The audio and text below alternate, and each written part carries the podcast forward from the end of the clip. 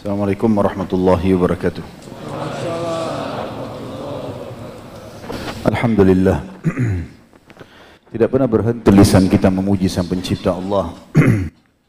Kalimat yang mulia dan sederhana ini serta penuh dengan berkah telah dimudahkan oleh Sang Pencipta untuk menjalin hubungan yang baik dengannya yang dia berikan nama dengan kalimat syukur berterima kasih atas wujudnya kita di muka bumi ini dan dengan kalimat inilah segala kebutuhan kita dari makanan, minuman, pakaian.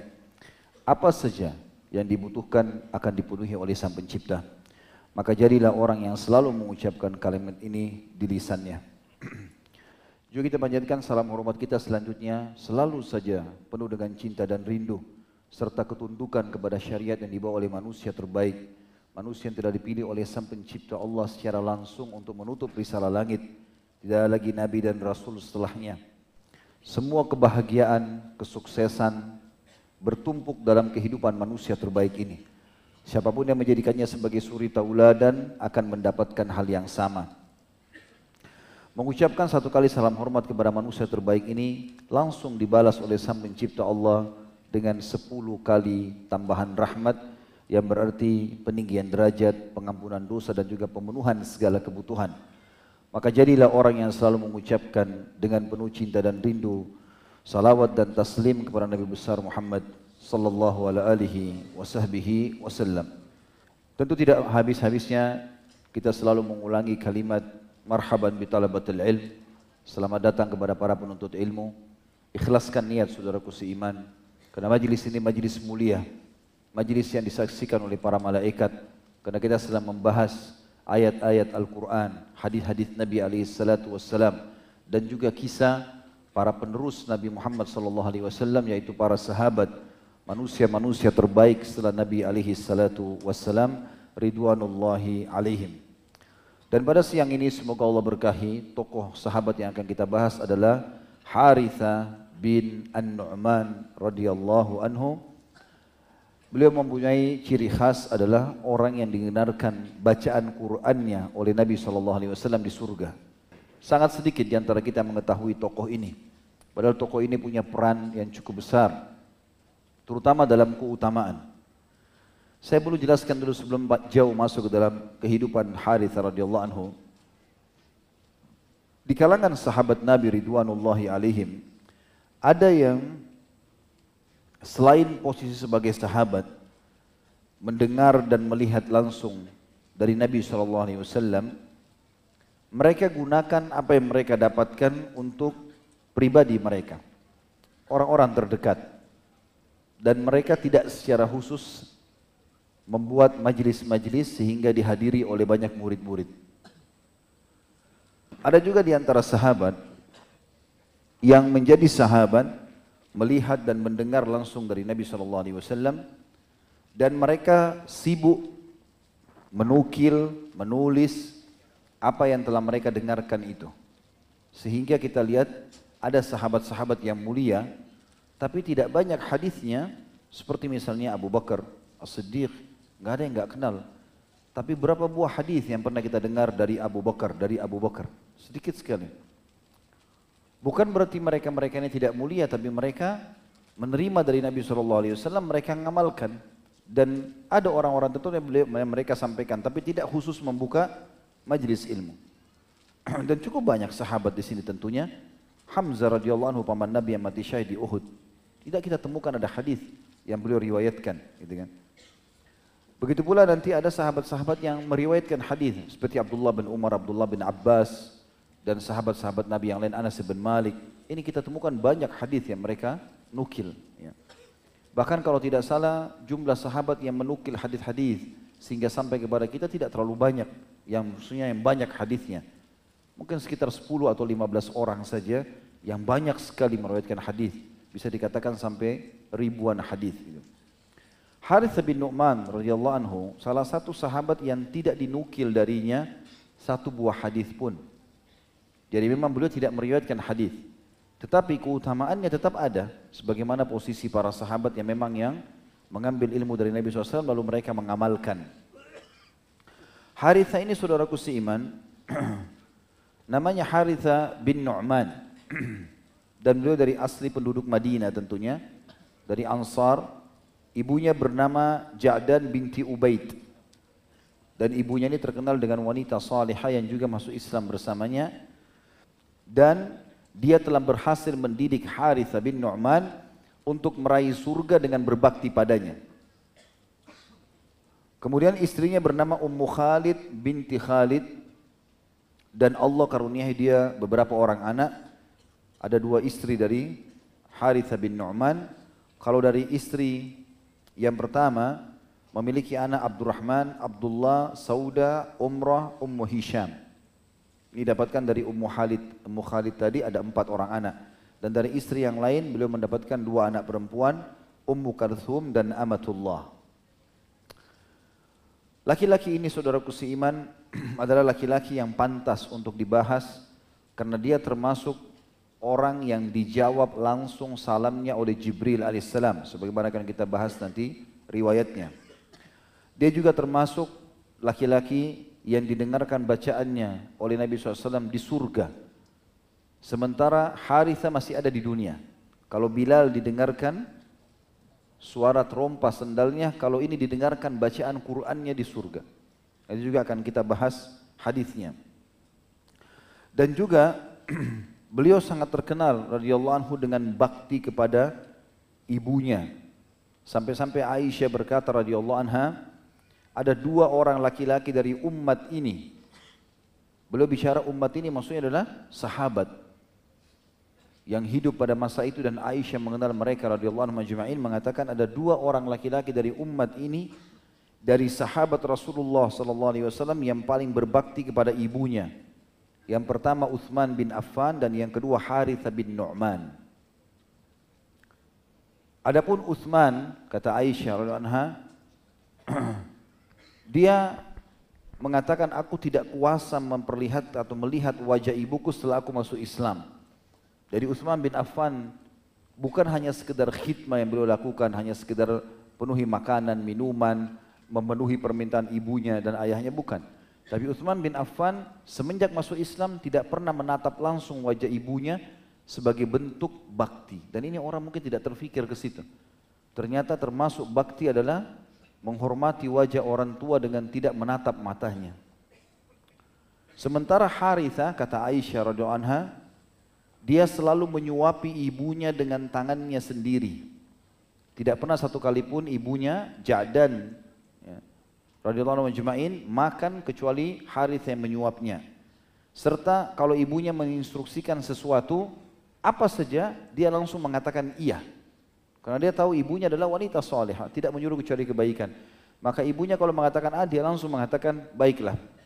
Walaupun dia belum memahaminya. Dikatakan dalam kisah ini, dia tidak pernah mengatakan tidak untuk ibunya. Dan kalau dia tidak mengerti, maka dia menunggu orang yang sedang duduk dengan ibunya keluar, baru dia tanyakan, apa maksud ibuku tadi? Baru kemudian dia memenuhi kebutuhan tersebut. Haritha juga sangat terkenal saudaraku seiman dengan infak dan sodakahnya sebagaimana akan kita nukil nanti banyak kisah dengan ini. Dan sedikit unik infaknya. Karena dia dari seluruh infak yang dia keluarkan dia fokus kepada Rasulullah sallallahu alaihi wasallam. Awal kisahnya manusia terbaik ini atau manusia baik ini adalah beliau dari suku Khazraj di Madinah. Seperti umumnya kisah-kisah orang-orang Ansar yang kita sebutkan di antaranya sahabat Nabi yang mulia sebelumnya namanya Sa'ad bin Rabi radhiyallahu anhu Mereka masuk Islam disebabkan karena dai Nabi sallallahu alaihi wasallam yang masyhur uh, Musab bin Umair radhiyallahu anhu yang diutus oleh Nabi SAW ke Madinah dan akhirnya orang-orang Madinah banyak sekali yang masuk Islam. Di tangan Musab bin Umair ini salah satu yang masuk Islam adalah Haritha bin Nu'man. Dan pada saat dia masuk Islam, karena dia tertarik mendengar ayat-ayat Al-Quran, maka ibunya Ja'ad bin Ubaid juga masuk Islam.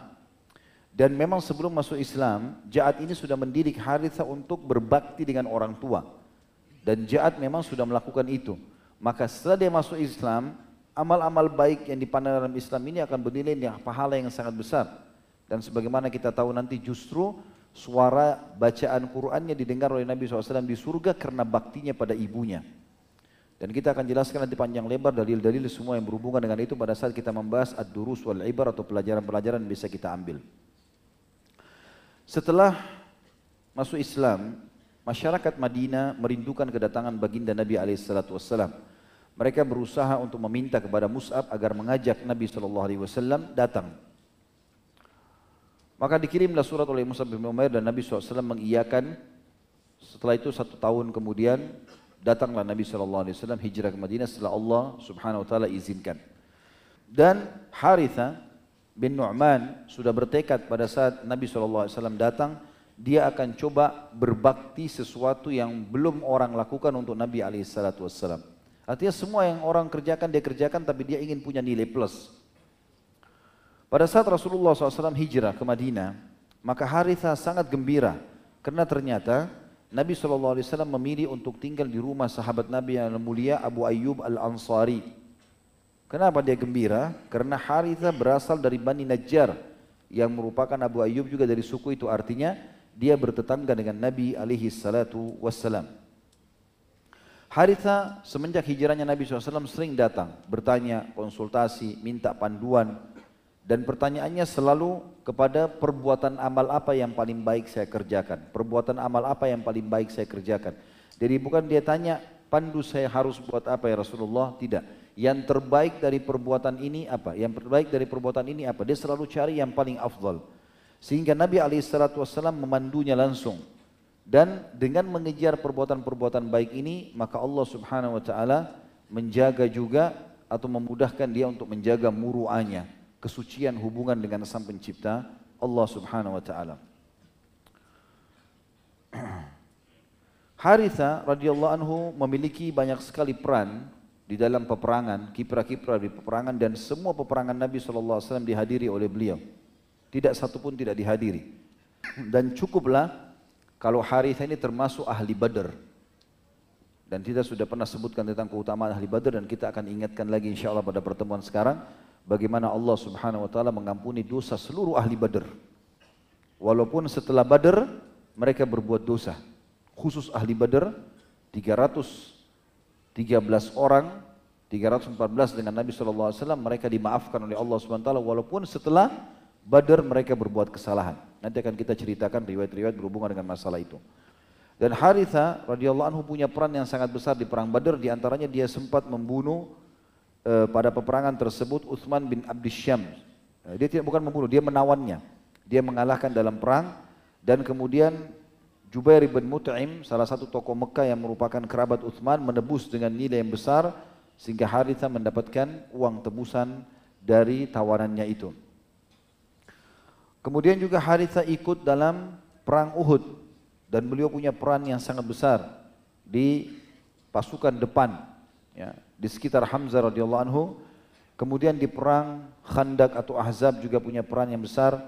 Kemudian di perang pembebasan kota Mekah, kemudian Hunain dan juga perang Tabuk setelahnya. Bahkan Haritha mengikuti semua peperangan yang terjadi di Khulafaur Rashidin. Di Abu Bakar, di Umar, di Uthman, kecuali perang-perang yang terjadi fitnah pada zaman Ali bin Abi Thalib, beliau menyendiri. Beliau bersama dengan Abdullah bin Umar tidak ikut-ikutan dalam peperangan tersebut.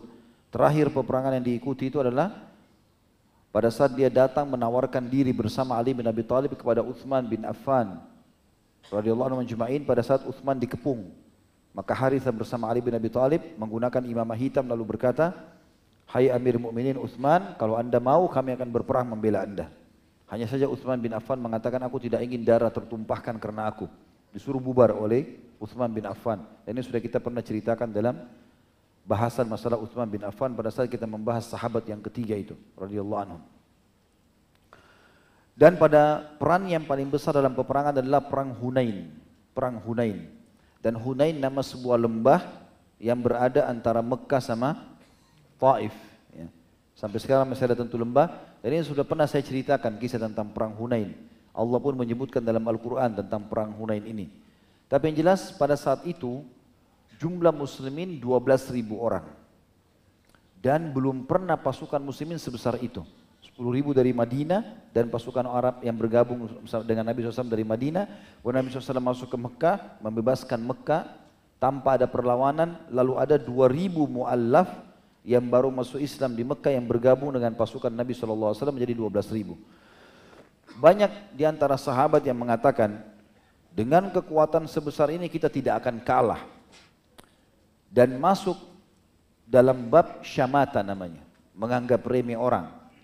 Perlu teman-teman garis bawahi ya, tidak boleh kita anggap remeh orang lain, sama sekali. Jangan masukkan dalam diri kita, namanya syamata.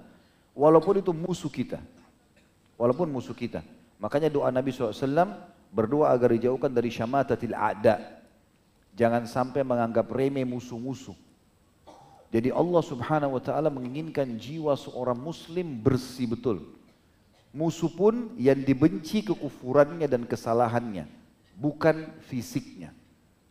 Kalau dia sudah meninggalkan dan taubat maka akan diterima. Ya. Akan diterima dalam Islam. Jadi tidak boleh kita memusuhi fisik. Ini sudah pernah saya ceritakan atau berikan contoh rasionalnya. Seseorang di antara kita harus belajar untuk itu. Kalau dia makan jeruk misalnya lalu jeruk itu jeruk itu asam, pahit, ambar atau apa saja, maka dia harus tahu yang sedang tidak cocok sama dia bukan jeruknya, tapi sifat ambar dan kecutnya itu. Karena kalau dia benci fisik jeruk, dia tidak akan makan jeruk selamanya. Begitu pula pada saat dia makan ikan, amis misalnya, baunya nggak enak. Yang jadi masalah amisnya, bukan ikannya. Karena kalau ikannya, dia akan mengambil prinsip tidak akan makan ikan selamanya. Ini kita tarik ke dalam kehidupan manusia. Kalau ada orang pernah, teman SMP antum, teman SMA, teman SD, dulu buruk sekali. Kita tahu orang ini luar biasa, banyak dosanya. Sekarang sudah 20 tahun tidak ketemu. Setelah kita ketemu di majelis ilmu, Masya Allah, berubah Gak boleh lagi kita mengatakan kamu dulu, ya. misalnya puzina, suka ganggu orang. Itu dulu, sekarang sudah bukan kan? Karena yang kita harus sorotin perbuatannya. Dia udah berubah, udah selesai. Orang kafir benci Islam, banyak bunuh muslimin. Tapi sekarang masuk Islam, udah selesai. Gak perlu lagi kita bahas yang masa lalunya, gitu kan? Begitu konsep dasar dalam Islam. Ya. Kita kembali kepada masalah tadi. Di perang Hunain, kaum muslimin mensyamata musuh mereka. Menganggap remeh musuh. Ini 12 ribu gak mungkin kalah. Jumlah pasukan pada saat itu dari suku Hawazim di perang Hunain, kalau mau dibandingkan dengan pasukan muslimin, tentu saja muslimin lebih kuat. Tetapi karena mereka anggap remeh akhirnya dikalahkan muslimin di perang Hunain itu. Di awal peperangan dikalahkan. Nabi SAW perintahkan Bani Salamah turun ke lembah Hunain bersama Khalid bin Walid seribu orang. Semuanya menunggangi kuda. Tapi karena terjalnya lembah Hunain itu, sampai-sampai waktu pasukan lagi turun, kalau orang dari atas nggak bisa lihat sudah sampai ke lembah atau belum. Kena dalamnya, terjalnya lembah itu. Rupanya musuh-musuh dari suku Hawazim di bawah itu sudah menunggu dan mereka membuat lubang-lubang di sekitar lembah itu tersembunyi tidak kelihatan begitu muslimin lewat ditusukin sama pisau sama pedang jadi pasukan Khalid bin Walid yang seribu orang ini Bani Salamah tiba-tiba disergap diserang dan Khalid bin Walid pun pada saat itu sempat berdarah-darah. Seluruh tubuhnya dari kepala sampai kaki luka semua. Dan tergeletak jatuh. Bani Salamah banyak yang jadi korban. Waktu turun seribu pasukan muslim itu, rupanya Nabi SAW juga di atas menginstruksikan yang lain nyusul. Pada saat mereka lagi nyusul dan ini menggunakan tunggangan kuda, maka kerepotan untuk mengerem yang dari bawah berusaha lari ke atas, yang dari atas turun, maka kocar kacirlah pasukan muslimin pada saat itu. Dan ini kalau teman-teman ikuti kajian saya di YouTube ada masalah sirah Nabawi tentang perang Hunain ini luar biasa kan. Sampai-sampai jumlah muslimin yang 12 ribu orang itu semuanya kocar kacir melarikan diri yang mu'allaf baru masuk Islam itu sudah sampai ke Mekah lari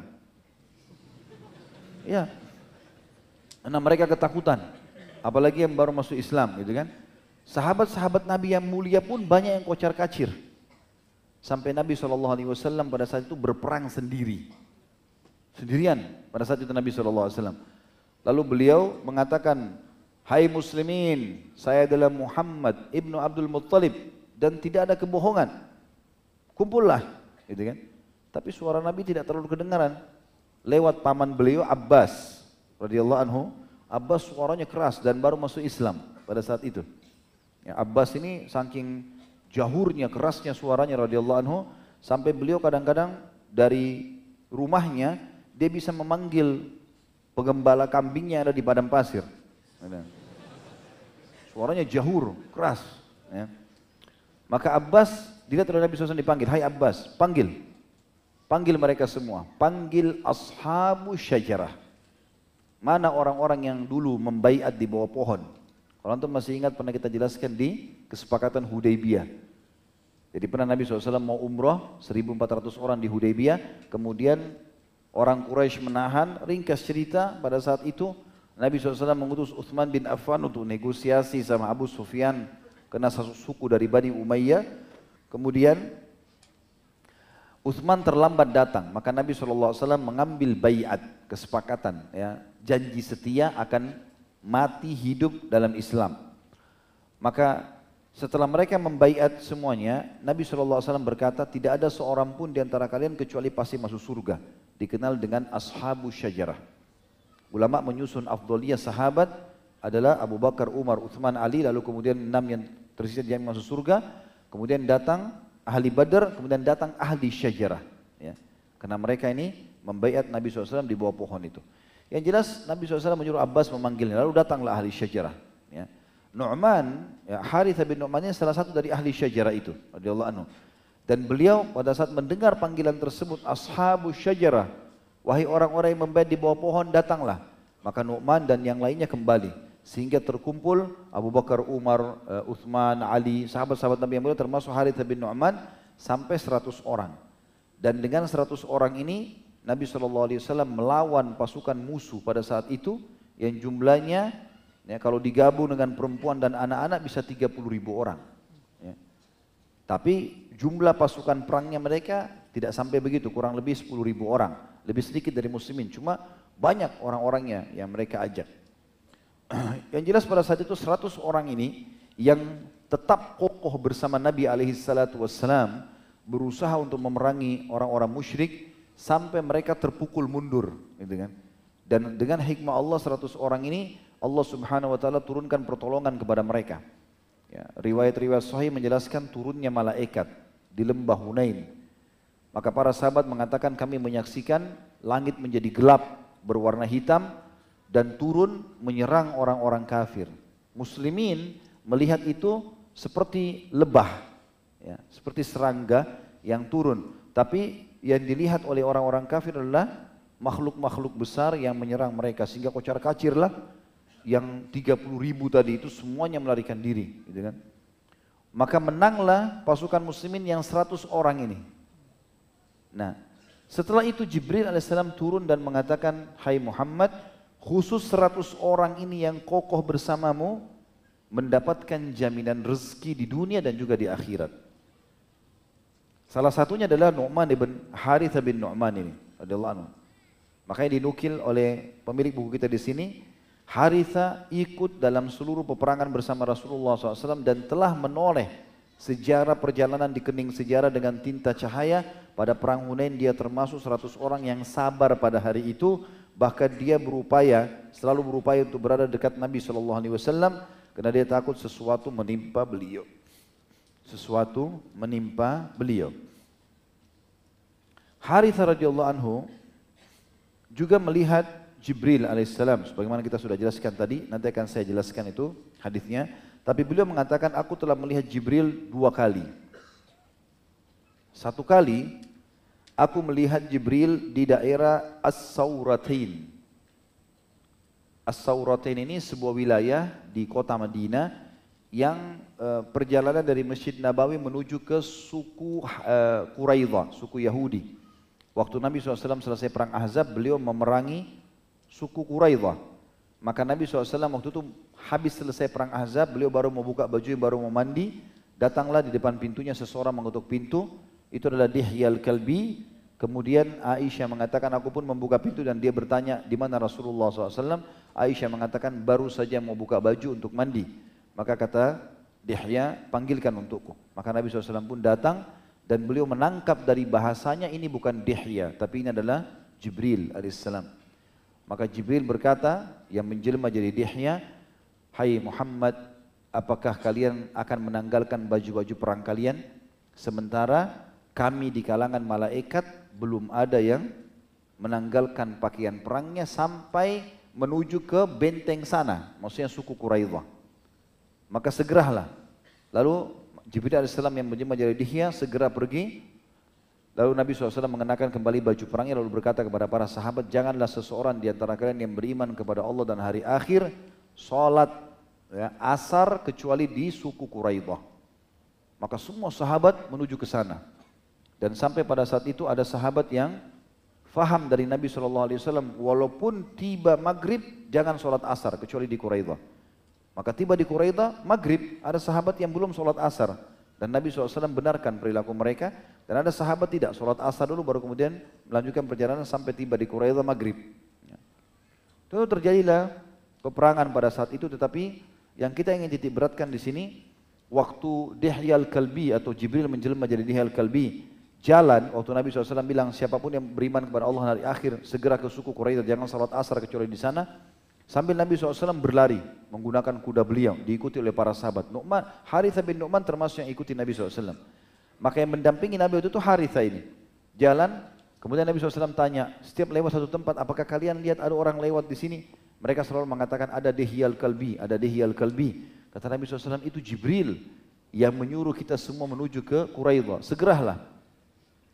Maka Nu'man mengatakan, aku melihat Jibril dalam hidupku dua kali, sekali di As-Sauratain. Artinya sempat melihat Jibril pada saat itu mengundang, menunggangi kuda, walaupun menjelma jadi manusia, dan kudanya di atas pelananya ada kain berwarna biru beludru. Dan yang kedua adalah aku melihatnya di Maudi uh, Maudihul Janaiz, Maudiul Majanaiz ketika pulang dari Hunain. Jadi pada saat pulang dari Hunain, aku melihat Jibril berbincang-bincang dengan Nabi SAW. Tapi dalam poster manusia. Ya. Di sini tidak disebutkan menjelma jadi dehyal kalbi, cuma dikatakan dia lagi duduk dengan Nabi Shallallahu Alaihi Wasallam. Maka aku pun mengucapkan salam kepada Nabi SAW, lalu aku tidak ingin mengganggunya, lalu aku jalan. Maka Nabi SAW menyampaikan setelah itu, Hai Haritha, apakah kamu tahu tadi siapa yang bersamaku? Kata, kata Haritha, tidak ya Rasulullah. Kata Nabi SAW, dia adalah Jibril. Dan dia menanyakan kepadaku, siapakah orang itu yang mengucapkan salam hai Muhammad? Maka aku pun mengatakan Harithah bin Nu'man. Maka Jibril berkata, sampaikan andai saja dia datang mendekat ke sini, maka kami akan e, menyambut salamnya atau bersalaman dengannya. Ya. Lalu kemudian dia berkata, kata Jibril, sampaikan hai Muhammad karena dia termasuk seratus orang yang dapat jaminan di hari Hunain karena bersabar jaminan rezeki dari Allah di surga. Sebagian ulama mengatakan juga ada asar yang mengatakan di dunia dan juga di akhirat. Kata Jibril, seandainya dia mengucapkan salam atau menemui kami untuk salaman, niscaya kami akan menjawabnya dan menjamu dan dan rimahnya. Hadis ini diriwayatkan oleh Al-Haythami dalam Majma' di jilid 11 halaman 314 dan dia menisbatkan kepada At-Tabarani dan juga Al-Bazzar dan mengatakan sanatnya hasan. Juga uh, Haritha radhiyallahu anhu selain daripada itu uh, dia selalu membina keluarganya secara khusus dalam jihad dan juga memahami hadis-hadis Nabi SAW sampai lahir di salah satu keturunannya walaupun dia tidak menukil hadis langsung. Tetapi ada salah satu cucunya dinukil oleh para ulama yang bernama Abu Rijal Muhammad bin Abdurrahman bin Abdullah bin Harith bin Nu'man al-Ansari. Salah satu orang yang seluruh imam enam, Bukhari, Muslim, Abu Dawud, Tirmidzi, Ibnu Majah dan Nasai meriwayatkan atau mengambil darinya. Ya. Harith radhiyallahu anhu wafat di eh, hari-hari uh, kerjayaan Muawiyah bin Abi Sufyan. Dan beliau wafat tidak dinukil tentu dalam buku-buku sudah saya berusaha cari apakah mati syahid atau tidak dalam peperangan atau tidak yang jelas dinukil beliau meninggal pada saat itu di masa kejayaan Muawiyah bin Abi Sufyan. Kita sekarang masuk lebih dalam teman-teman tentang masalah manakibnya. Tadi secara umum global. Yang pertama beliau termasuk orang-orang yang pertama masuk Islam tentunya. Dan ini kemuliaan. Dan seorang sahabat yang melihat Nabi SAW dengan mata kepalanya dan ini sebuah keutamaan sebagaimana sering kita sebutkan keutamaan orang menjadi sahabat. Kalau masih ingat kisah Iyas Al-Muzani, salah satu ulama tabi'in yang masyhur. Beliau pernah dikasih apel oleh Anas bin Malik. Lalu beliau mencium apel tersebut. Lalu kemudian eh, orang-orang bertanya, "Hai Iyas, kenapa Anda mencium apel itu?" Dia bilang, "Bagaimana saya tidak menciumnya? Saya menerima apel ini dari tangan yang pernah menyentuh tangan Rasulullah sallallahu alaihi wasallam. sahabat ini punya kedudukan tersendiri berbeda dengan manusia biasa. Jadi ini keutamaan sendiri. Kemudian yang kedua, beliau termasuk salah satu kerabat Nabi sallallahu alaihi wasallam, ada hubungan kerabat dengan Nabi sallallahu alaihi wasallam dari pihak ibu Nabi SAW, Aminah binti Wahab. Ya. Karena ibu Nabi SAW, Aminah dari penduduk Madinah. Ya. Dan ini salah satu kerabatnya. Yang ketiga, dia termasuk salah satu ashabus suffa. Dan suffa adalah sebuah tempat yang dibuat oleh Nabi SAW di belakang rumah beliau yang bisa menampung kurang lebih 300 orang. Itu disebutkan dalam riwayat Imam Muslim. Ya. Dan di situ umumnya duduk orang-orang sahabat yang suka dengan ilmu dan zuhud. Mayoritasnya 90% orang-orang miskin sekitar 10 persennya orang-orang kaya yang mau berbaur dengan orang-orang miskin untuk menuntut ilmu. Di antaranya adalah yang masyhur juga Ka'ab dan Hamdalah radhiyallahu anhum ajma'in. Dan ini punya kedudukan karena Nabi SAW kalau menerima wahyu. Jadi wahyu kadang-kadang turun kepada Nabi SAW pada saat misalnya habis sholat. Maka banyak yang hadir Nabi langsung sampaikan. Atau ada sahabat bertanya di majlis, turun wahyu lalu Nabi SAW sampaikan. Dalam peperangan maka banyak yang mendengarkan penyampaian Nabi SAW. Tapi ada juga kadang-kadang turun wahyu kepada Nabi SAW, Nabi lagi di rumahnya misalnya. Aisyah yang dengar, tapi Nabi SAW harus sampaikan. Kalau harus dikumpulkan penduduk Madinah butuh waktu lama. Maka beliau selalu pergi ke Sufah ini. Di belakang rumahnya. Khusus tempat Nabi SAW siapkan untuk para penuntut ilmu dan orang-orang yang mau zuhud. Disebutkan cirinya, dia adalah tempat yang ditutup dengan tenda bagian atasnya dan tidak berdinding. Ya, tidak berdinding. Ini kurang lebih yang dijelaskan dalam sufa dan ini punya keutamaan tersendiri. Ashabus sufa ini adalah para penuntut ilmu. Dan Haritha bin Nu'man salah satu orang yang masuk dalam ashabus sufa. Yang memang terkenal orang-orang yang menuntut ilmu langsung dari Nabi alaihi salatu wassalam. Kemudian yang keempat, beliau mengikuti semua peperangan Nabi sallallahu alaihi wasallam dan secara khusus yang perlu ditekankan adalah masalah dua peperangan tadi, Badr dan kita akan sebutkan nanti keutamaan orang ikut dalam perang Badr dan juga perang Hunain yang mendapatkan jaminan rezeki. Kemudian juga yang kelima adalah Jibril alaihissalam menjawab salamnya dan sudah kita bacakan tadi riwayat yang menjelaskan masalah itu. Yang keenam, dia termasuk orang yang banyak membaca Al-Quran dan suaranya indah. Dan karena itulah Allah Subhanahu wa taala memperdengarkan Nabi sallallahu alaihi wasallam suara Haritha membaca Al-Qur'an di surga. Walaupun juga ada riwayat nanti lain yang menjelaskan ini karena baktinya pada ibunya. Tapi ini termasuk karena sukanya baca Quran maka itu menjadi ciri khasnya dia.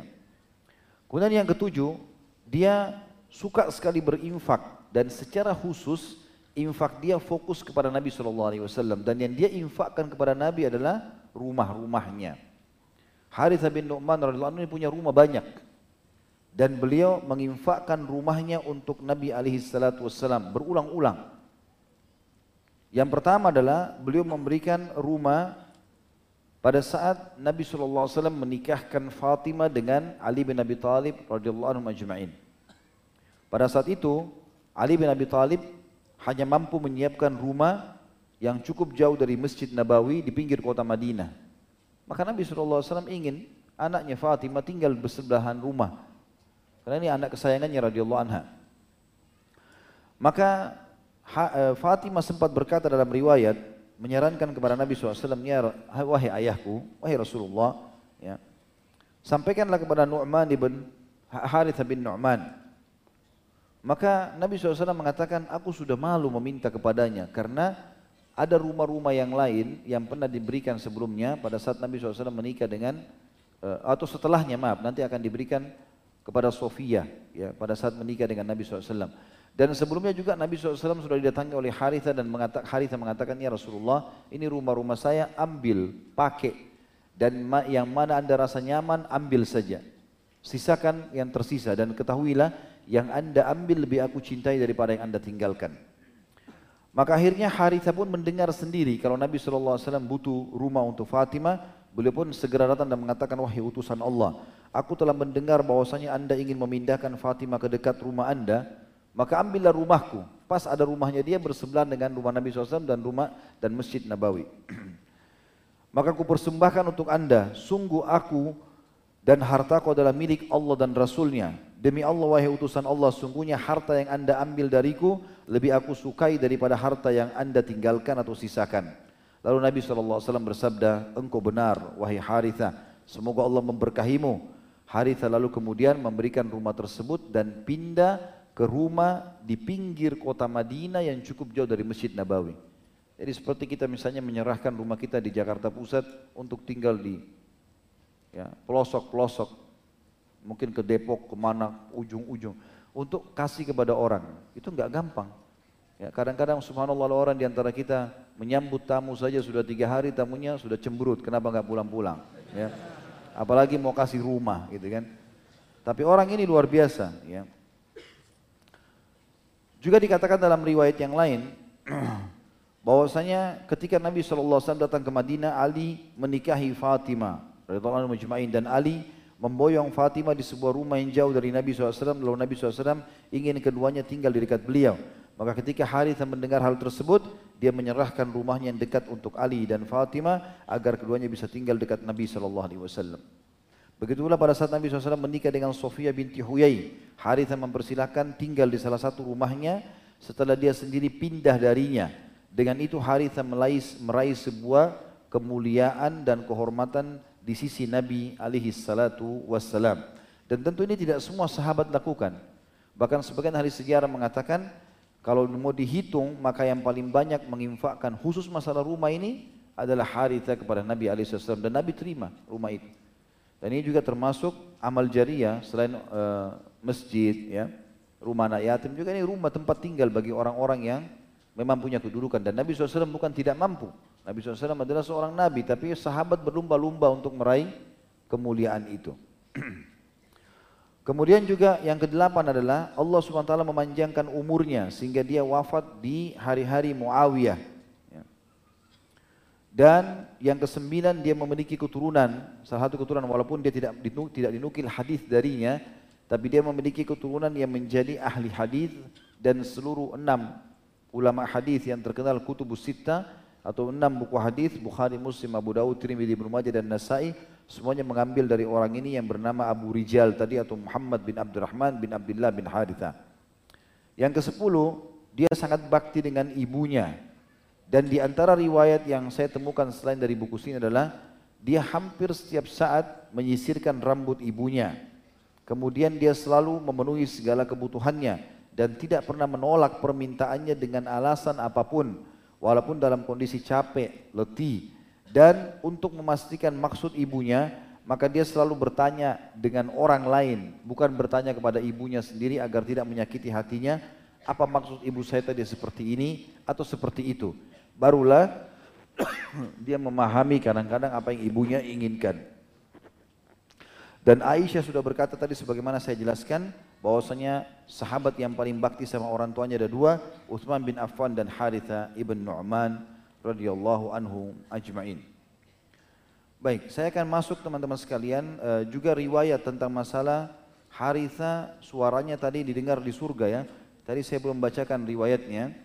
Itu disebutkan di dalam hadis uh, dan hadis ini tentu hadis riwayat Imam Ahmad di jilid 6 halaman 151 Abu Ya'la jilid 7 halaman 399 bahwasanya Aisyah berkata anha bahwa Rasulullah SAW bersabda nimtu faraaituni fil jannah fasamitu sauta qari'in yaqra. Fakultu man hadha? Qalu hadha Harithah bin Nu'man.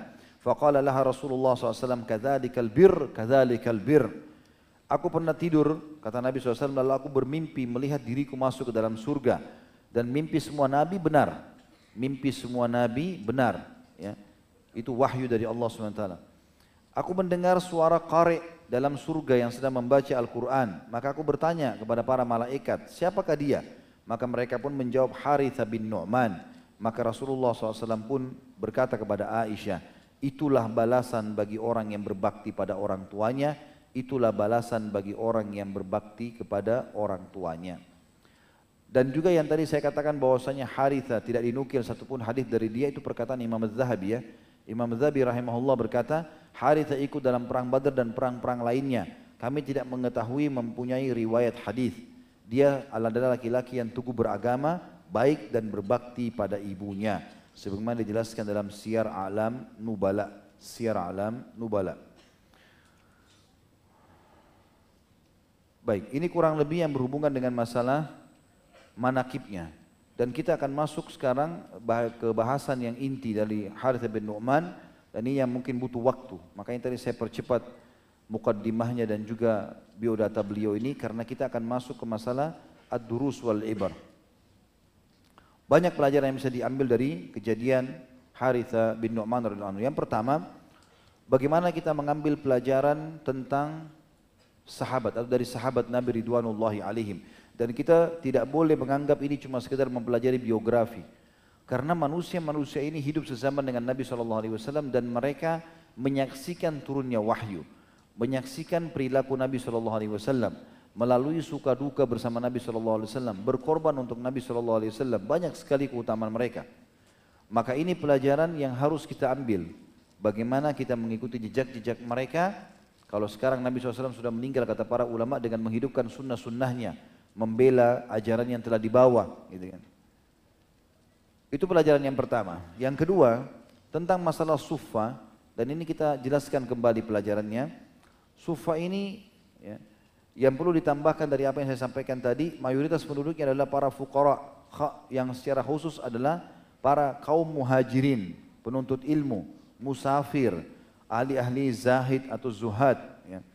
Yang memang mau di dunia dan Haritha bin Nu'man juga Hamdala dan juga Ka'b bin Malik mereka sengaja bergabung bersama Ashabus Sufa bukan karena miskinnya tapi justru karena mereka kaya. Dan untuk membiayai hidup para Ashabus Sufa maka ketiga sahabat ini terlibat. Dan yang paling banyak terlibat adalah Haritha bin Nu'man. Dan Sufa itu luas bisa menampung sekitar 300 orang.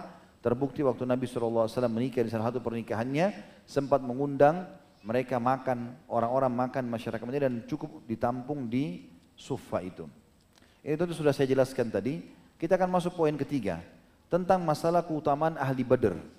Bagaimana dia termasuk yang ikut di Badr dan ini banyak sekali tentunya uh, keutamaannya. Allah Subhanahu wa taala menyebutkan tentang masalah Badr dalam surah Al-Imran surah nomor 3 ayat 123 yang bunyinya a'udzubillahi minasyaitonirrajim Walaqad nasarakumullah bi badrin wa antum adillah fattaqullaha la'allakum tashkurun. Sesungguhnya Allah telah memberikan kalian kemenangan di Badr sementara waktu itu kalian sangat lemah. Maka bertakwalah kepada Allah agar kalian bersyukur. Dalam hadis atau dalam tafsir ayat ini disebutkan dalam riwayat Bukhari bahwasanya Sa'ala Jibril Nabi sallallahu alaihi wasallam, "Ma tahsabuna ahli al-Badr fikum?" Jibril berkata kepada Nabi SAW, bagaimana kedudukan ahli badr dari kalian?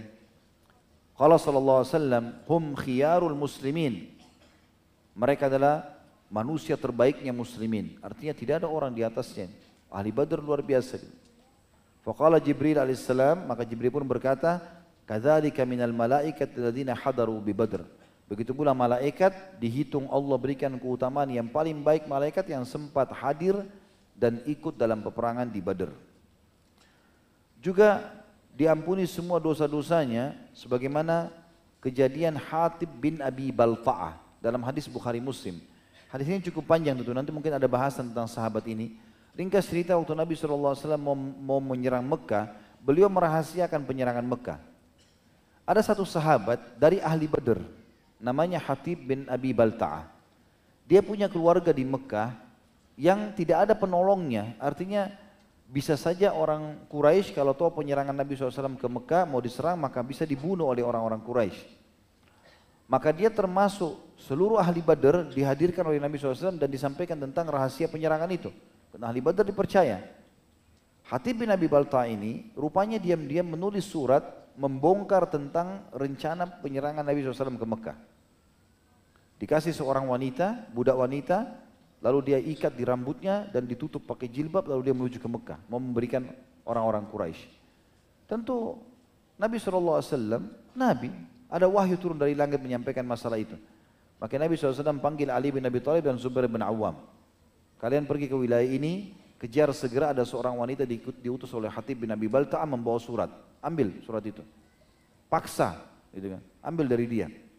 Maka Ali bin Abi Thalib dan Zubair pun mengejar di titik yang Nabi SAW tunjuk dan berhasil menemukan perempuan itu. Tentu Ali bin Abi Thalib mengatakan, serahkan segera surat yang ada di tanganmu. Kata perempuan itu tidak ada surat apa? Dia mengatakan ada surat. Kalau kau tidak mau mengeluarkannya, ini info dari Nabi SAW, kami akan menggeledah secara paksa. Dan ini juga sebuah hukum tentunya yang dibahas oleh para ulama tentang bolehnya orang menggeledah orang kalau memang dia berbahaya. Ya. Walaupun itu lawan jenis. Gitu. Karena ini untuk maslahat umum muslimin.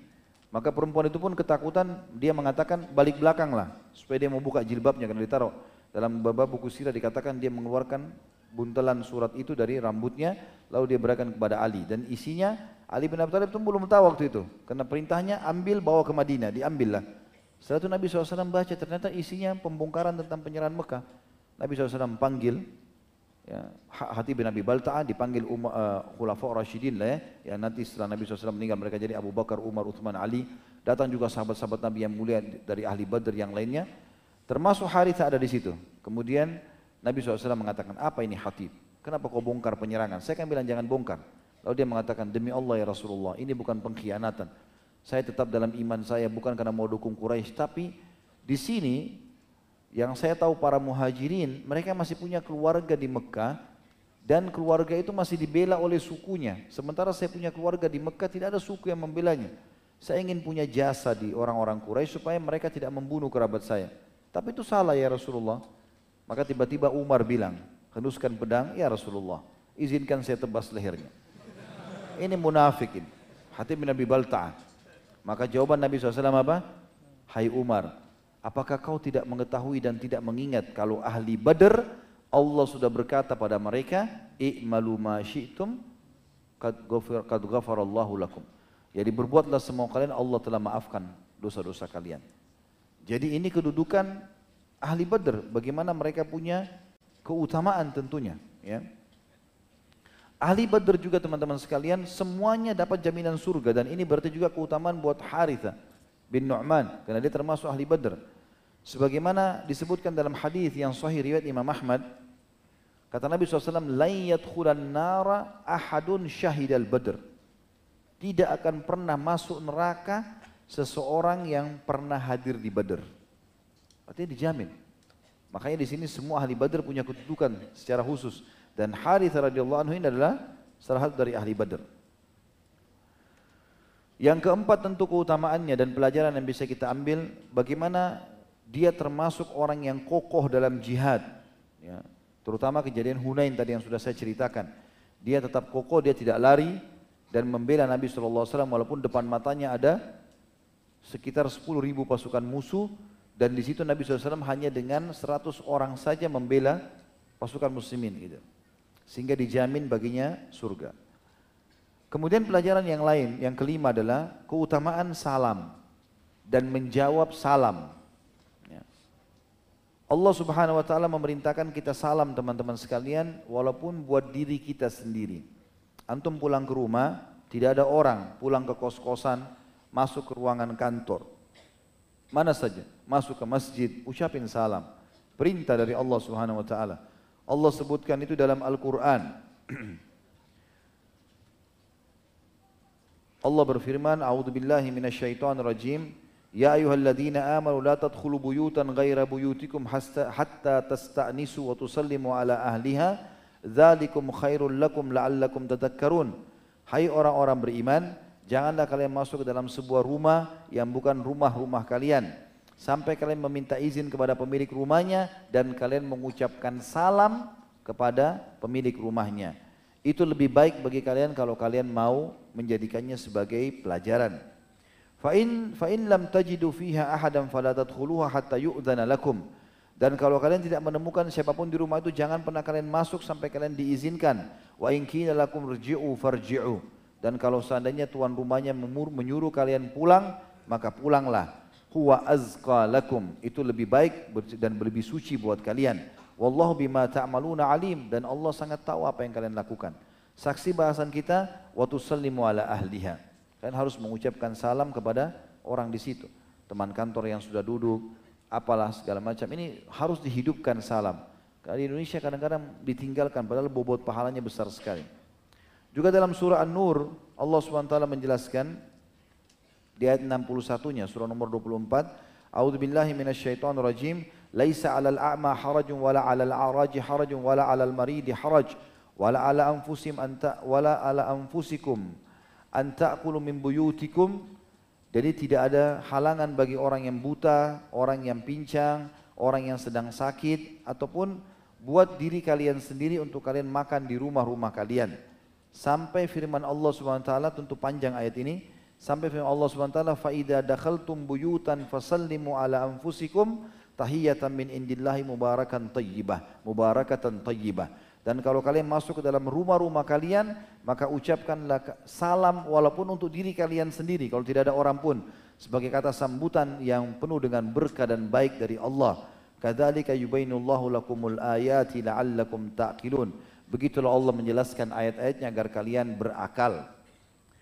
Juga dalam surah An-Nisa, surah nomor 4 ayat 86 Allah berfirman, A'udzu billahi minasyaitonir rajim wa idza huyitum bi tahiyyatin fahayyu bi ahsana minha aurudduha. Kalau kalian menerima atau diucapkan salam kepada kalian maka balaslah salam itu dengan yang lebih baik. Ya. Jawab yang sama atau balas yang lebih baik. Dalam hadis Nabi Shallallahu Alaihi Wasallam, hadis ini riwayat Ibnu Majah dan Ibnu Khuzaimah dan dihasankan oleh para ulama. Kata Nabi SAW, ma hasad ma hasadkum, ya. Ma hasadkum al yahuda ala syai'in ma hasadatkum. Ma hasadatkum al-yahuda ala syai'in ma hasadatkum ala salam wat ta'mim. Ketahuilah, tidak ada sesuatu yang paling dicemburui oleh orang-orang Yahudi dari kalian seperti cemburunya mereka pada ucapan salam kalian dan ucapan amin kalian di belakang imam. Ya, jadi salam kita itu sebenarnya dicemburui oleh Yahudi. Ya. Makanya mereka selalu meminta agar Nabi mendoakan. Pernah mereka bersin di depan Nabi SAW, mereka berharap Nabi SAW menjelaskan atau mengucapkan kepada mereka yarhamkumullah. Mereka bilang alhamdulillah. Nabi enggak bilang yarhamkumullah karena orang kafir. Nabi bilang yahdikumullah. Semoga Allah berikan kalian hidayah. Jadi ini tentu juga pelajaran yang kita ambil teman-teman sekalian. Sementara salam sendiri sudah sangat masyhur hadisnya dan sudah pernah kita ucapkan. Tapi kita harus ucapkan, belajar untuk mengucapkan salam sempurna. Sebagaimana hadis yang sahih menjelaskan masalah itu, riwayat Abu Dawud, Tirmidzi, Ibnu Hibban. Yang Nabi SAW pernah duduk dalam majlis ada yang masuk lalu dia mengatakan Assalamualaikum. Nabi jawab mengatakan orang ini dapat 10 pahala, lahu asyara. Masuk orang kedua mengatakan Assalamualaikum warahmatullah. Maka tentu saja Nabi menjawab dan Nabi mengatakan dia dapat 20 kena menambah warahmatullah. Masuk orang ketiga lengkap. Assalamualaikum warahmatullahi wabarakatuh. Maka Nabi SAW menjawab dan Nabi mengatakan orang ini dapat 30 pahala. Gitu kan? Maka kita ucapkan salam tentunya lengkap. Assalamualaikum warahmatullahi wabarakatuh. Lisan ataupun tulisan. Ya. Nanti kita jelaskan beberapa hukum berhubungan dengan masalah itu. Juga sabda Nabi SAW dalam hadis riwayat Muslim La tadkhulul jannata hatta tu'minu, kalian tidak akan pernah masuk surga sampai kalian beriman, wala tu'minu hatta tahabbu, dan kalian tidak akan beriman sampai kalian saling mencintai. Awala adullukum ala syai'in idza fa'altumu tahabbtum, maukah saya tunjukkan kepada kalian perkara kalau kalian lakukan kalian pasti saling mencintai? Absyus salam bainakum, sebarkan salam di antara kalian. Kalau teman-teman bertanya, kok bahas masalah salam Ustaz? Karena kan tadi ada salamnya Jibril, dijawabnya salamnya Harith bin Nu'man. Jadi kita membahas tentang pentingnya salam ini. Ya, dan Jibril pun ingin menjawab, bahkan bukan ingin, memang menjawab salamnya Harith bin Nu'man. Ya. Kemudian dalam hadis yang lain juga dalam hadis riwayat Muslim, Sa'ala rajulun ayu islamin khair, seseorang laki-laki pernah bertanya kepada Nabi SAW, amalan apa dalam Islam yang paling baik, pahalanya besar, mudah dikerjakan. Qala sallallahu alaihi wasallam, Nabi SAW bersabda, tuti'mu ta'am wa tusallimu ala man ta'rif wa man lam ta'rif engkau memberikan makan kepada orang-orang dan engkau mengucapkan salam kepada orang yang kau kenal dan kau tidak kenal. Dalam hadis selanjutnya riwayat Ahmad, riwayat Abu Dawud, riwayat Tirmidzi dengan sanad sahih. Nabi SAW juga mengatakan, "Idza jaa ahadukumul majlisa falyusallim." Kalau salah seorang di antara kalian masuk ke dalam sebuah majlis, maka dia seharusnya mengucapkan salam. Fa idza raja'a falyusallim. Dan kalau dia keluar lagi punya hajat dan dia kembali, salam lagi. Fa innal ukhra laisa bi ahaq minal ula. Karena pengucapan salam yang kedua, walaupun cuma kita keluar ke dapur, kita cuma keluar berdiri ambil air minum, kita cuma keluar ke kamar mandi baru kembali lagi, tetap saja yang kedua salam lagi. Tiga kali, tiga kali salam. Kata Nabi SAW, kena salam kedua, hukumnya, haknya sama dengan salam pertama. Sama dengan salam pertama.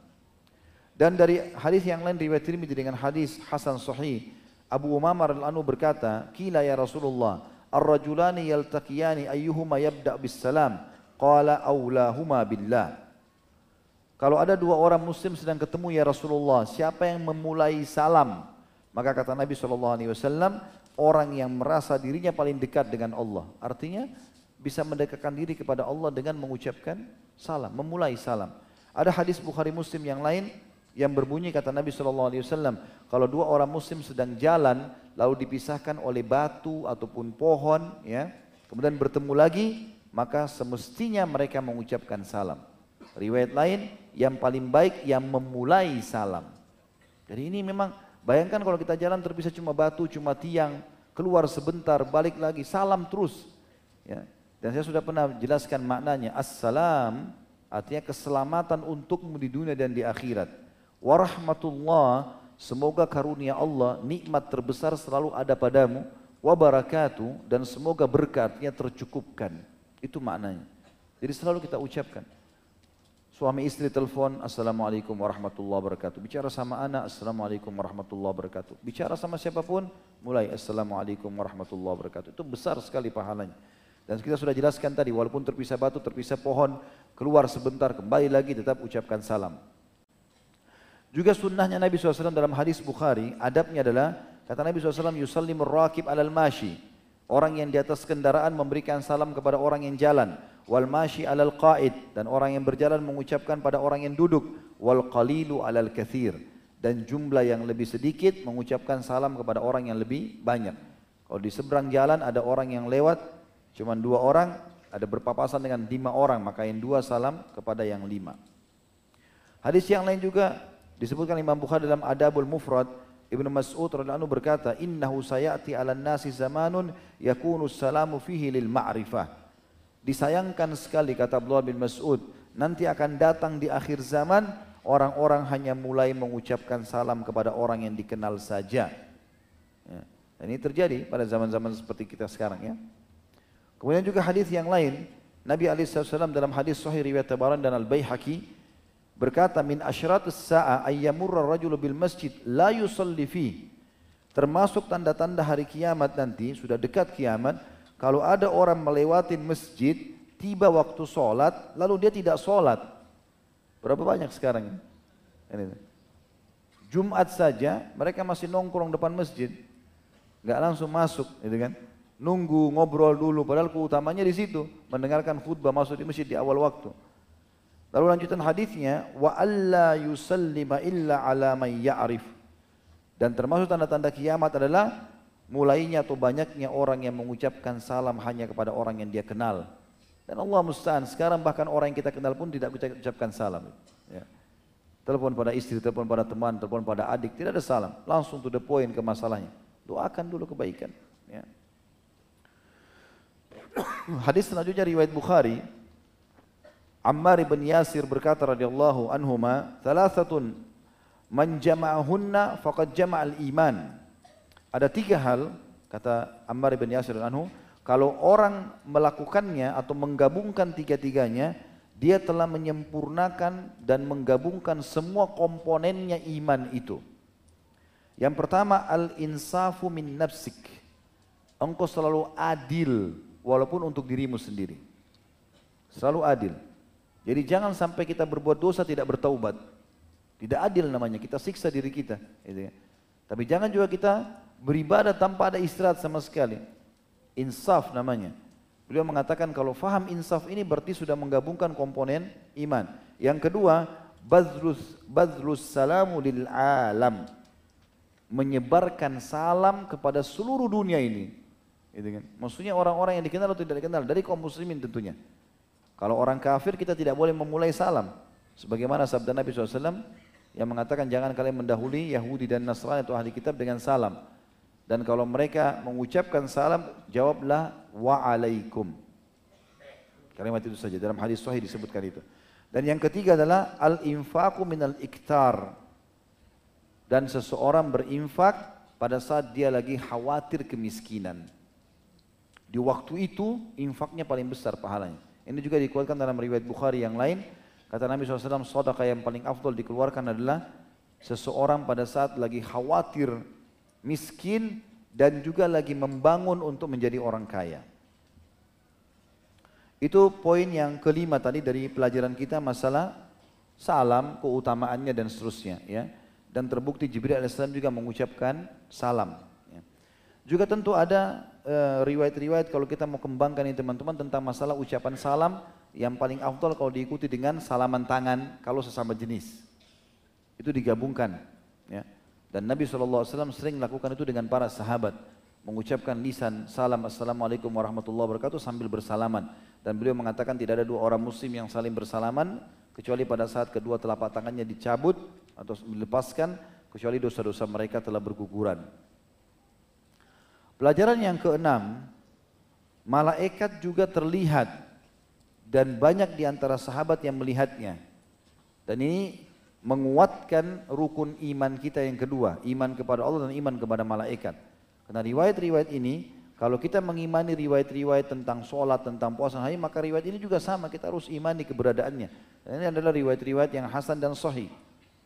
Aisyah berkata radhiyallahu anha dalam hadis Bukhari Muslim, Nabi SAW berkata, maaf. Nabi SAW berkata, Ya Aisyah, Hada Jibril yakra alaikis salam. Jadi pernah Nabi SAW lagi di rumahnya Aisyah, dalam hadis Bukhari Muslim, lalu Nabi SAW mengatakan, Wahai Aisyah, ini di sebelah saya sekarang ada Jibril yang sedang mengucapkan salam kepadamu. Jibril mengucapkan salam kepada Aisyah. Aisyah tidak dengar. Tidak melihat juga Jibril, tidak tampak di hadapannya pada saat itu. Fakultu maka aku pun berkata kata Aisyah wa alaihi salam wa rahmatullah wa huwa yara ma la ara. Dan aku pun mengatakan dan untuknya juga salam dan rahmat Allah. Dan ketahuilah sesungguhnya aku ya dia bisa melihatku tapi aku tidak bisa melihatnya. Kata Aisyah tentang Jibril alaihissalam.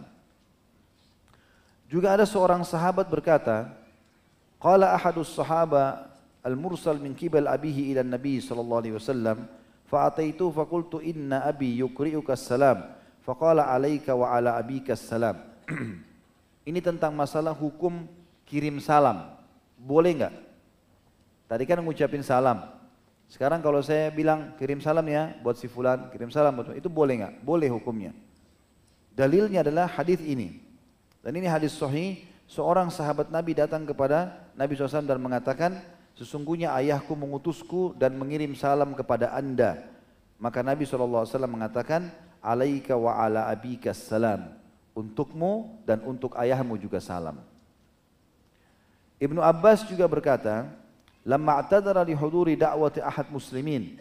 Waktu Ibnu Abbas sedang sibuk dan tidak bisa menghadiri pertemuan dengan kaum muslimin yang mengundangnya. Ada keluarga undang dia makan, beliau tidak bisa datang. Lalu beliau mengatakan, "Ajibu akhakum." Kalian pergilah jawab undangan itu, waqra'u alaihi salam wa akhbiruhu anni mashgul.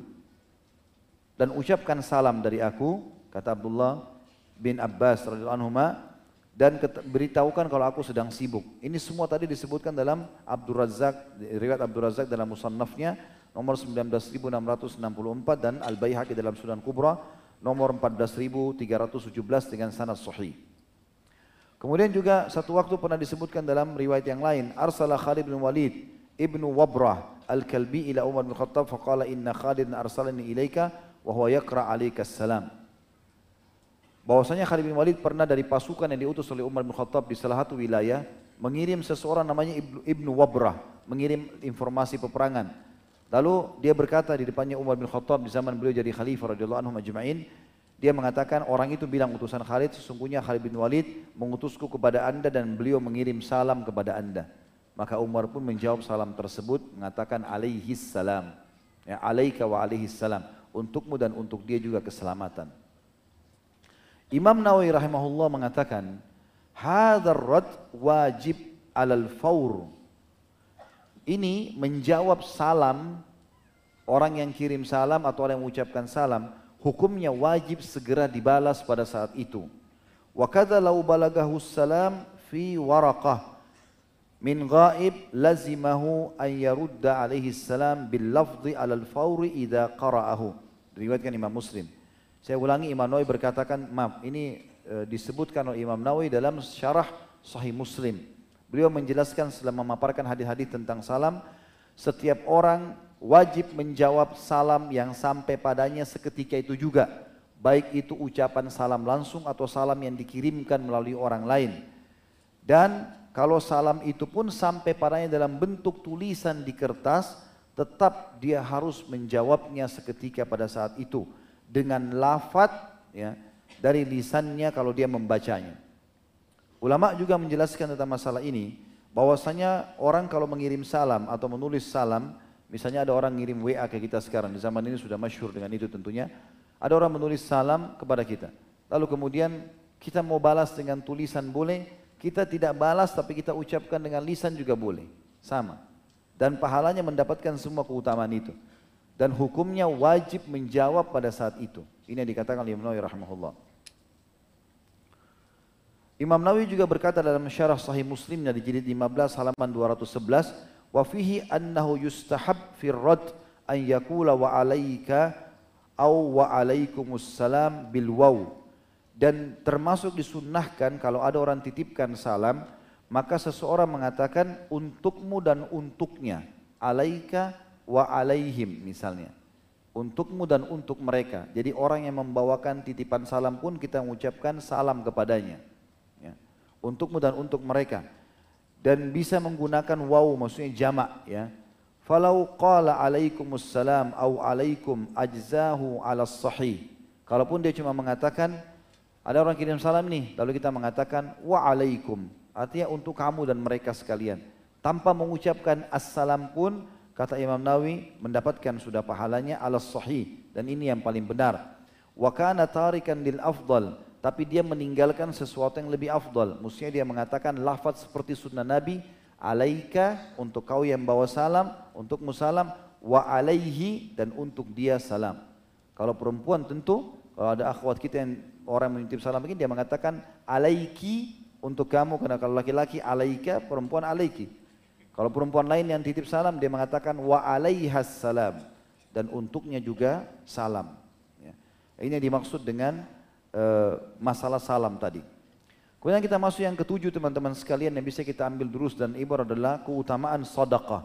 Beranjak daripada perilaku tadi yang dilakukan oleh Harith bin Nu'man mensedekahkan rumahnya. Ya.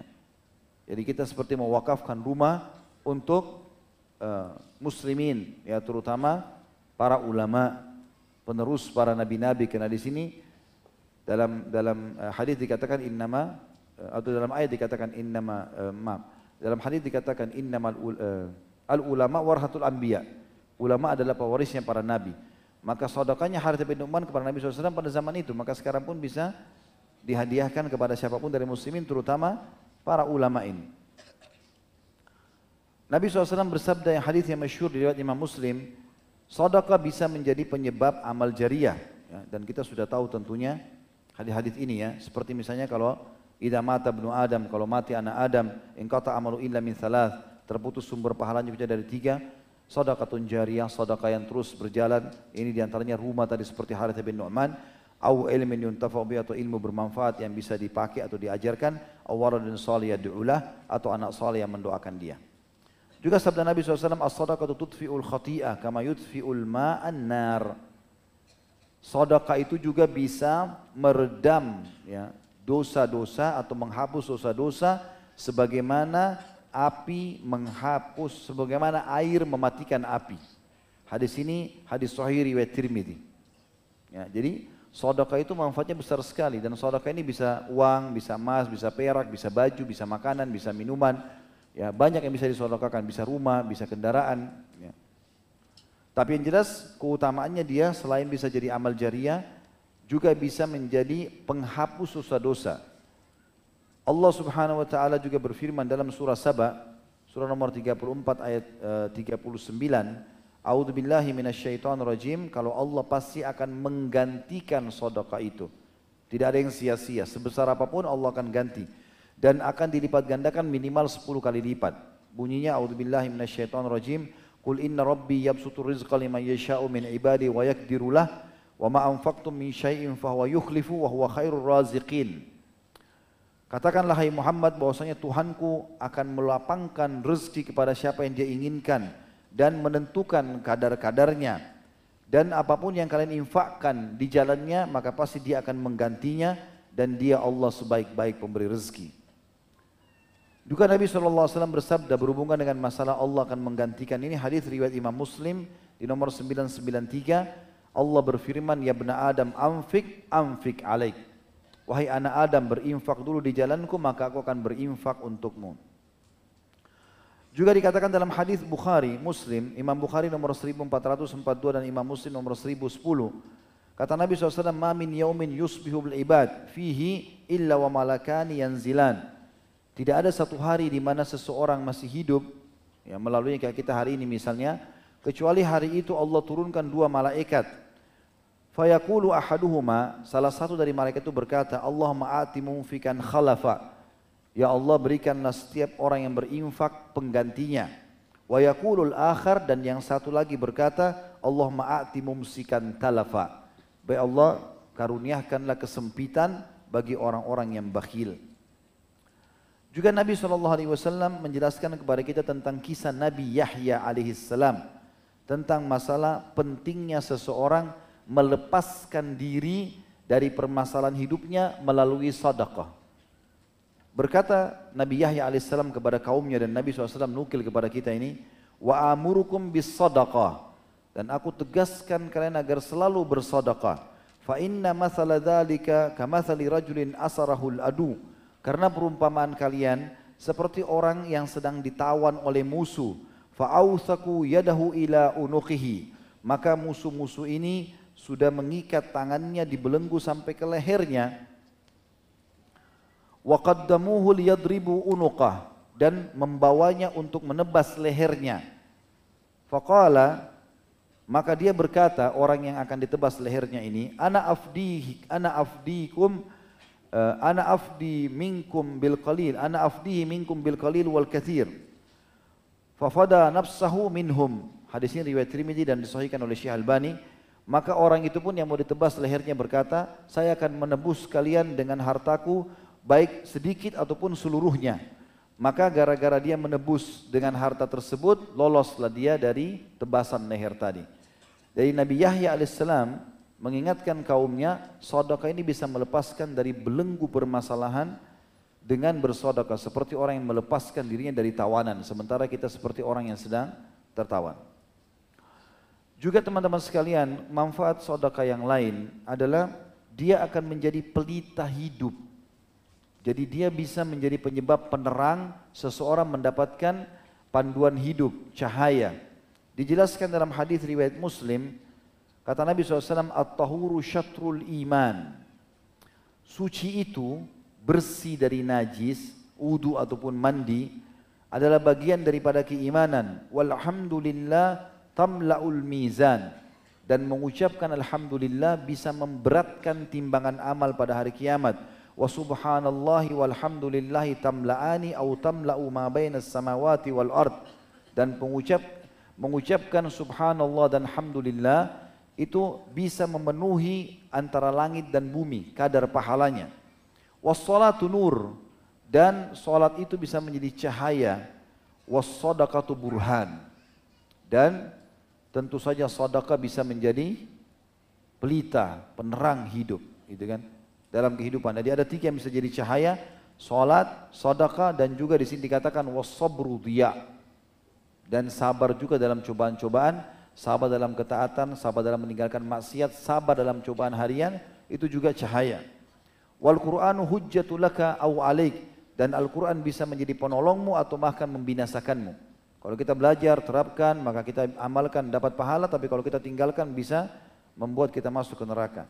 Kullu nafsin yaghdu fabayi'u nafsahu famu'tikuha aw mubikuha. Hadis sahih riwayat Muslim. Setiap jiwa sedang ya menuju ya seperti menjual dirinya. Maka tergantung dia menyelamatkan dirinya atau dia mencelakakannya. Tapi saksi bahasan kita adalah as-sadaqatu burhan. Juga teman-teman sekalian, sedekah ini kalau selalu kita lakukan, rutinkan. Kalau perlu ada prinsip dasar tidak ada hari tanpa sedekah. Itu kita lakukan teman-teman sekalian banyak sekali manfaatnya. Di antaranya dari semua yang sudah kita sebutkan tadi juga ada manfaat dia bisa menyelamatkan dari mati yang buruk ya. Sebagaimana disebutkan dalam hadis Hasan riwayat At-Tabarani, "Sana'iul ma'ruf taqiyu masari as-su." Berbuat segala macam jenis kebaikan-kebaikan itu pasti akan menyelamatkan dari keburukan-keburukan, cobaan-cobaan. Wasadaqatus sir tudfi'u ghadabur rabb dan bersedekah secara sembunyi-sembunyi bisa meredam murkanya sang pencipta. Wasilatul rahim tazidu fil umur dan silaturahim akan menambah umur seseorang. Juga dalam riwayat lain disebutkan hadis ini disebutkan Ibnu Khuzaimah dan sahih menurut syarat Imam Muslim kata Nabi SAW inna sadaqata inna sadaqata la tudfi'u ghadabur rabb Ketahuilah bahwasanya sedekah itu bisa meredam murkahnya Allah setelah seseorang berbuat kesalahan. Wa tadfa'u an mitatisu dan dia pasti akan menolak kematian yang sia-sia atau matian yang tiba-tiba. Kata para ulama tentang masalah maitatisu ini, sebagian ulama mengatakan orang yang mati tanpa eh, atau mati yang sesuatu yang Nabi SAW berlindung darinya seperti hancur badannya, kebakaran, tenggelam dan segala macam hal itu termasuk yang yang menjadi penyebab atau penyelamat. Sebagaimana dijelaskan oleh sebagian ulama, saya coba carikan perkataan uh, ulama itu ya tentang masalah ya Ibnu Arabi Al-Maliki berkata dan hakikat dari kematian yang buruk itu adalah kematian dalam kondisi bermaksiat. Dengan sodaka, seseorang bisa selamat dari mati yang buruk itu. Al-Mubarak Furi berkata, Al-Iraqi berkata, secara zahir maksud kematian yang buruk ialah kematian yang mana Rasulullah SAW berlindung kepada Allah darinya. Seperti hancur, jatuh, tenggelam, kebakaran, tergoda syaitan saat menghadapi maut, dan terbunuh saat lari dari medan perang. Bahkan ulama umumnya mengatakan maitatisu adalah mati dalam keadaan berbuat atau dalam keadaan yang tidak diinginkan. Jadi kita dalam hidup pun teman-teman sekalian kalau kita lagi jatuh, kita lagi apalah, dilihat orang malu. Mati pun begitu. Kita berharap pada saat mati kita tidak dalam keadaan memalukan sehingga orang menilai negatif. Kalau perlu kita mati yang menggembirakan, yang orang lain memuji dan mengatakan, Masya Allah, seperti itulah. Kemudian juga sodaka ini teman-teman manfaat yang lain bisa menjadi penaung kita pada hari kiamat. Di mahsyar nanti akan panas sekali. Orang tertahan ya orang tenggelam dengan keringatnya masing-masing. Di dalam hadis yang sahih kata Nabi wasallam uh, tentang masalah hari kiamat ini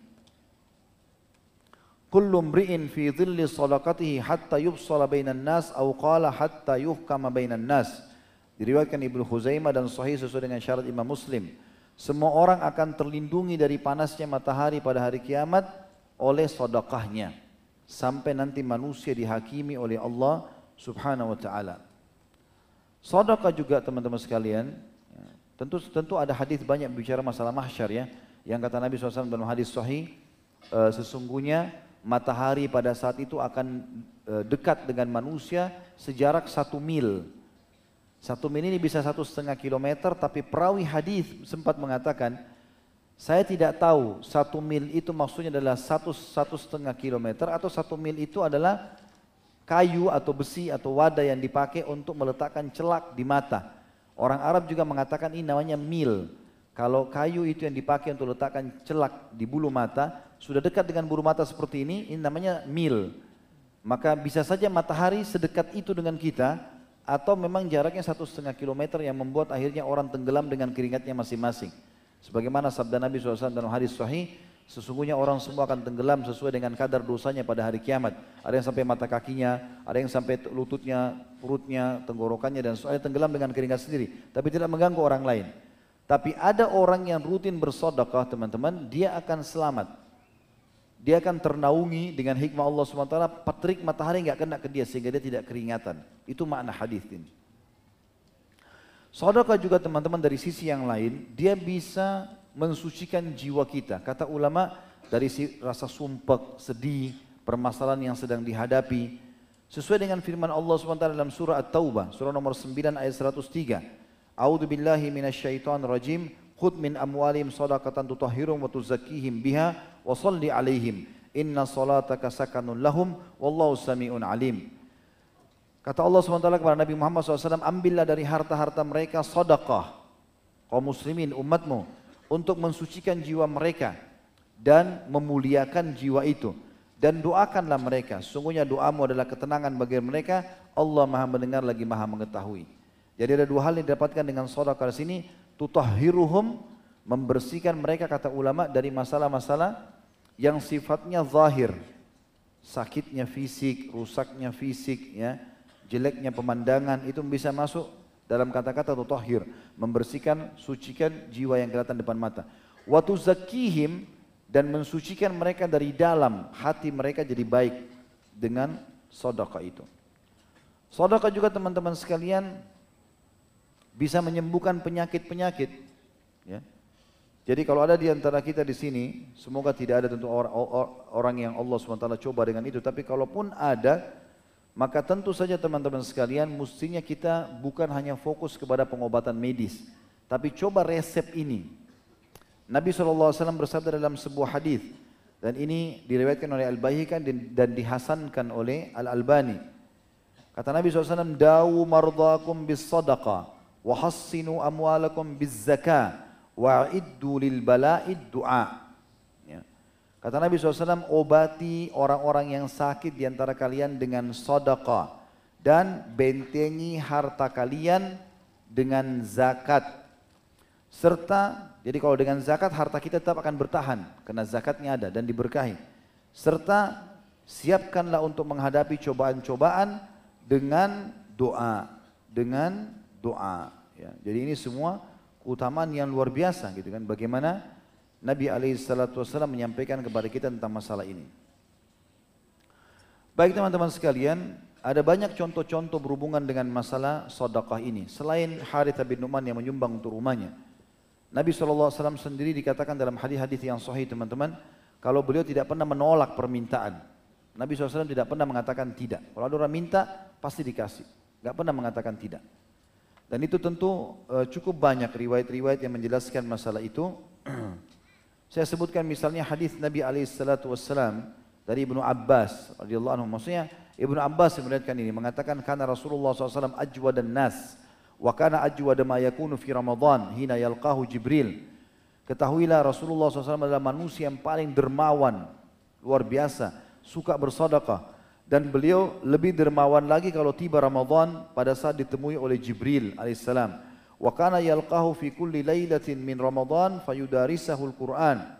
Dan Jibril selalu menemui Nabi SAW setiap malam di malam-malam Ramadan untuk mempelajari mengajarkan Al-Quran. Fala Rasulullah SAW ajwadu bil khairi min rihil mursala. Dan ketahuilah Rasulullah SAW lebih dermawan dengan kebaikan daripada angin yang berhembus keras. Hadis ini riwayat Bukhari di jilid 1 halaman 30 dan Muslim jilid 4 halaman 1803. Jabir bin Abdullah juga berkata radhiyallahu anhu ma su'ila Rasulullah SAW syai'an qad faqala la. Rasulullah SAW tidak pernah sama sekali diminta sesuatu harta lalu beliau berkata tidak. Hadis ini riwayat Bukhari Muslim. Anas bin Malik juga mengatakan ma su'ila Rasulullah SAW alal islami syai'an illa a'tah. Walaqad ja'ahu rajulun fa'atahu ghanaman baina jabalaini faraja ila qaumi faqala ya qaum aslimu fa inna Muhammadan yu'ti ata'an la yakhshal faqr. Tidak pernah Rasulullah SAW diminta sesuatu atas keislaman, melainkan beliau selalu memberinya. Apa saja orang minta pasti dikasih, dia berusaha. Sungguh seseorang telah datang kepada beliau, belum muslim orang ini.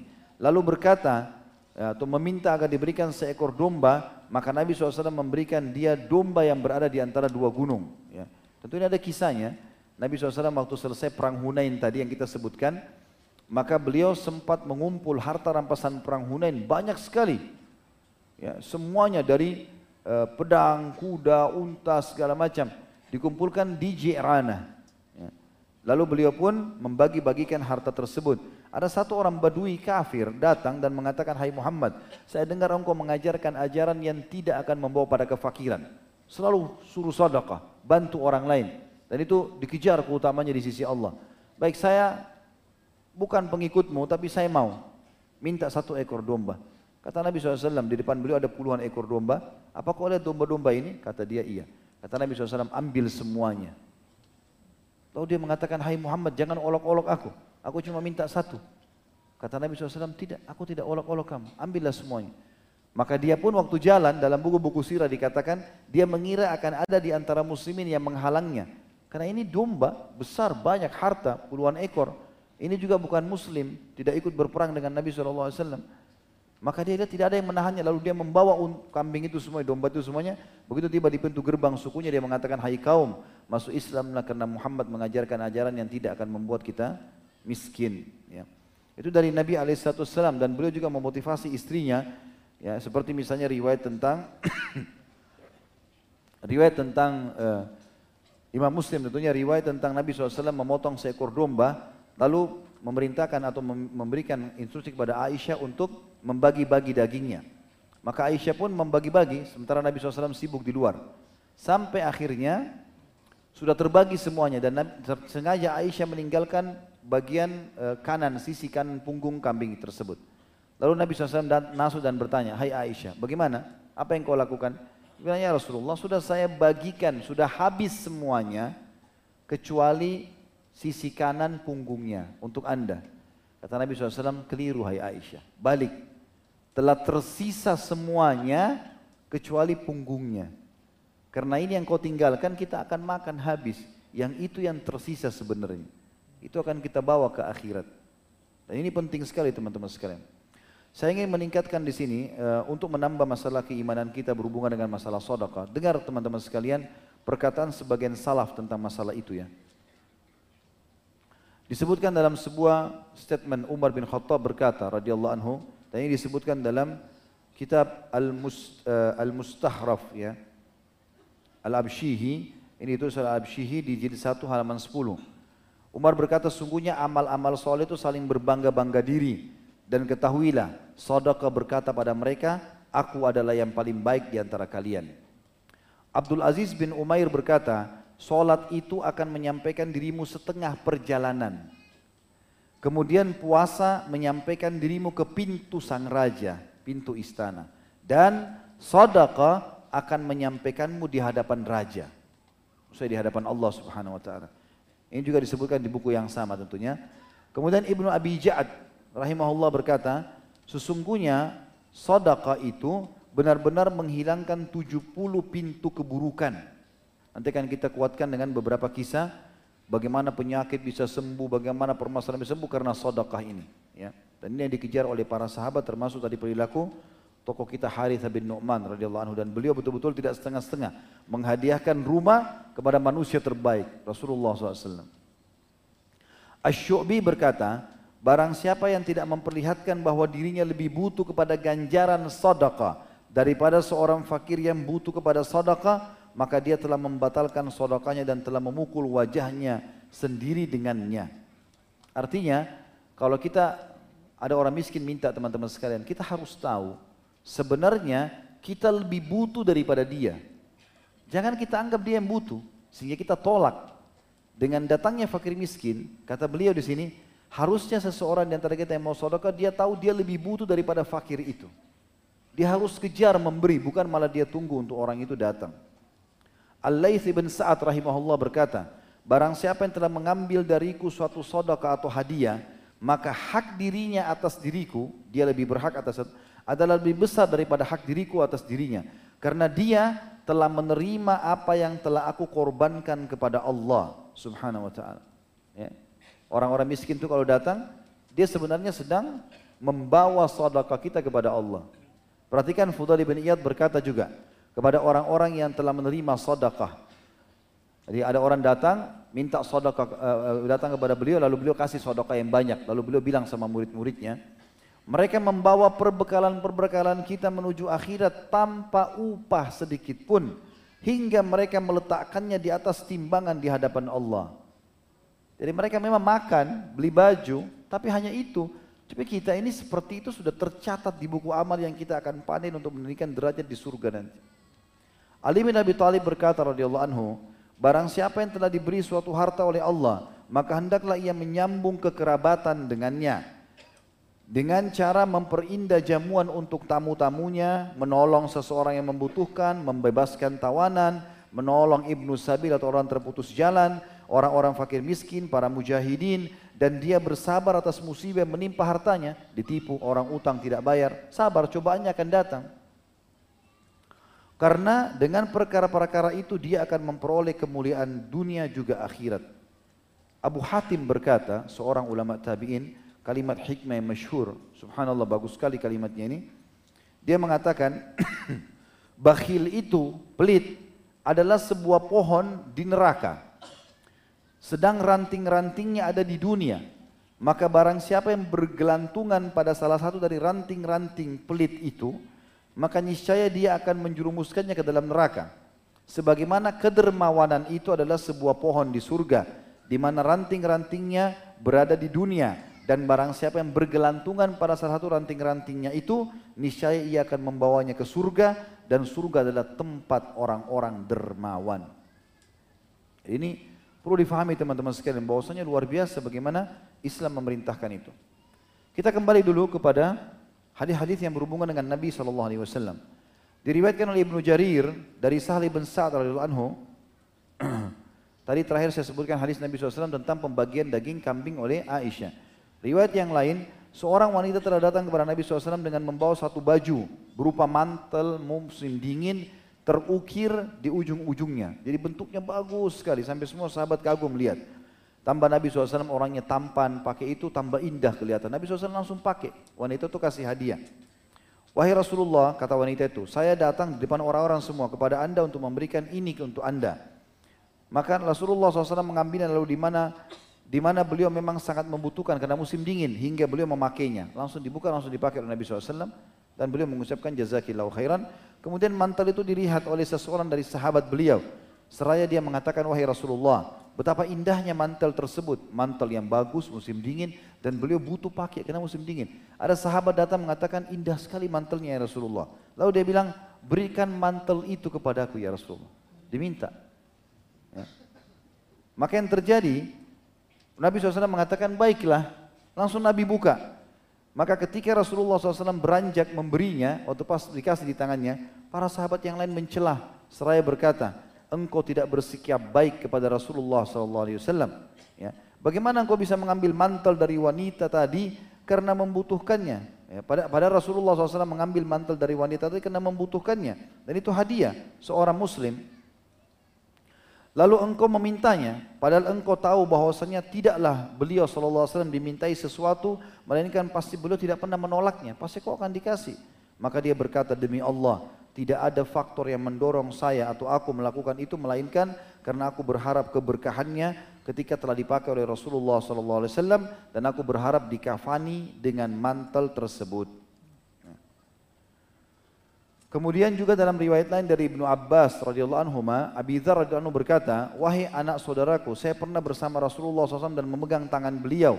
Lalu beliau berkata, "Wahai Abu Dzar, aku tidak suka memiliki emas dan perak sebesar gunung Uhud, lalu aku infakkan di jalan Allah, lalu aku masih meninggalkan di hari di mana aku meninggal dengan meninggalkannya satu kirot atau beberapa dirham."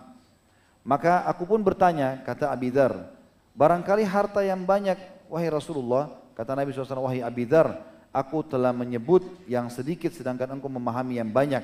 Aku menghendaki akhirat sedangkan engkau menghendaki akhirat, sedangkan engkau menghendaki dunia. Yang aku maksud adalah memang satu kirat. Lalu beliau mengulangi sebanyak tiga kali kepadaku. Hadis ini sahih diriwayatkan Tabarani. Maksudnya Nabi SAW bilang, Hai Abidar, kalau aku punya emas dan perak seperti gunung-gunung banyaknya, aku akan infakkan semuanya, tidak tertinggal sedikit pun. Walaupun satu kirat, beberapa dirham. Kata Abidar, mungkin ya Rasulullah anda maksudkan ditinggalkan satu gunung kalau gunung-gunungnya banyak. Kata Nabi tidak. Semuanya akan saya infakkan.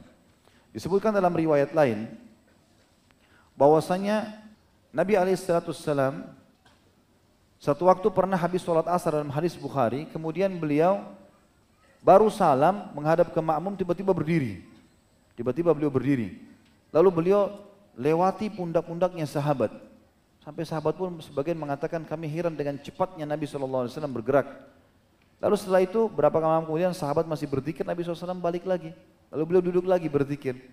Selesai zikir semuanya, ada sahabat yang bertanya, ya Rasulullah, apa tadi yang anda lakukan? Kenapa begitu cepat anda bergerak? Kata Nabi SAW, aku mengingat sebelum sholat asar tadi, aku sudah membungkus-bungkus beberapa kurma untuk sadaqah. Dan aku lupa mengeluarkannya. Maka aku segera mengeluarkannya, lalu aku kembali berzikir. Ya, jadi saking luar biasanya bagaimana Nabi SAW melakukan itu. Kemudian juga banyak sekali kisah para salafus soleh di antaranya sodakahnya Abu Bakar tentunya ya yang sudah masyur sudah kita jelaskan di masalah kehidupan Abu Bakar dulu. Kemudian infaknya Uthman bin Affan ya yang sudah juga kita sering jelaskan dan ini tentang masalah pemberian sumur rumah, tentang segala macam. Ada beberapa yang belum, yang belum ya. Di antaranya adalah infaknya Ibnu Umar yang belum saya sampaikan maksudnya. Ibnu Umar radhiyallahu dikatakan Nafi meriwayatkan Nafi ini pelayannya beliau. Dikatakan bahwasanya pelayan Ibnu Umar radhiyallahu anhu apabila Ibnu Umar ya, mengagumi sesuatu dari harta, niscaya ia akan mempersembahkan kepada Allah. Jadi Ibnu Umar ini setiap ada baju baru, ada apa saja yang dia sangat suka dari harta, selalu saja dia begitu suka langsung dia infakkan saja dulu untuk menggugurkan perasaan cintanya berlebihan pada barang tersebut. Nafi berkata, dan hamba sahayanya mengetahui akan hal itu, Lalu ada salah seorang dari budak-budaknya bersemangat untuk beribadah di masjid. Dan ketika Ibnu Umar melihat keadaan dirinya yang bagus tersebut, maka dia memerdekakan hamba tersebut. Namun para sahabat berkata kepadanya, Wahai Abu Abdurrahman, maksudnya wahai Ibnu Umar, demi Allah tidaklah mereka itu kecuali hanya membohongimu. Jadi rupanya Ibnu Umar ini suka kalau lihat ada baju baru, dia lihat dia suka langsung dia sodakahkan. Dia takut nanti jangan cintanya berlebihan pada harta tersebut membuat dia tidak berinfak di jalan Allah. Sampai dia punya beberapa orang budak, ada budak-budaknya yang tahu Ibnu Umar suka infak sesuatu yang baik di jalan Allah. Maka dia sengaja ibadah di depan Ibnu Umar. Maka Ibnu Umar memerdekakan, yang sudah baik ibadahnya dimerdekakan, dimerdekakan. Seperti itulah.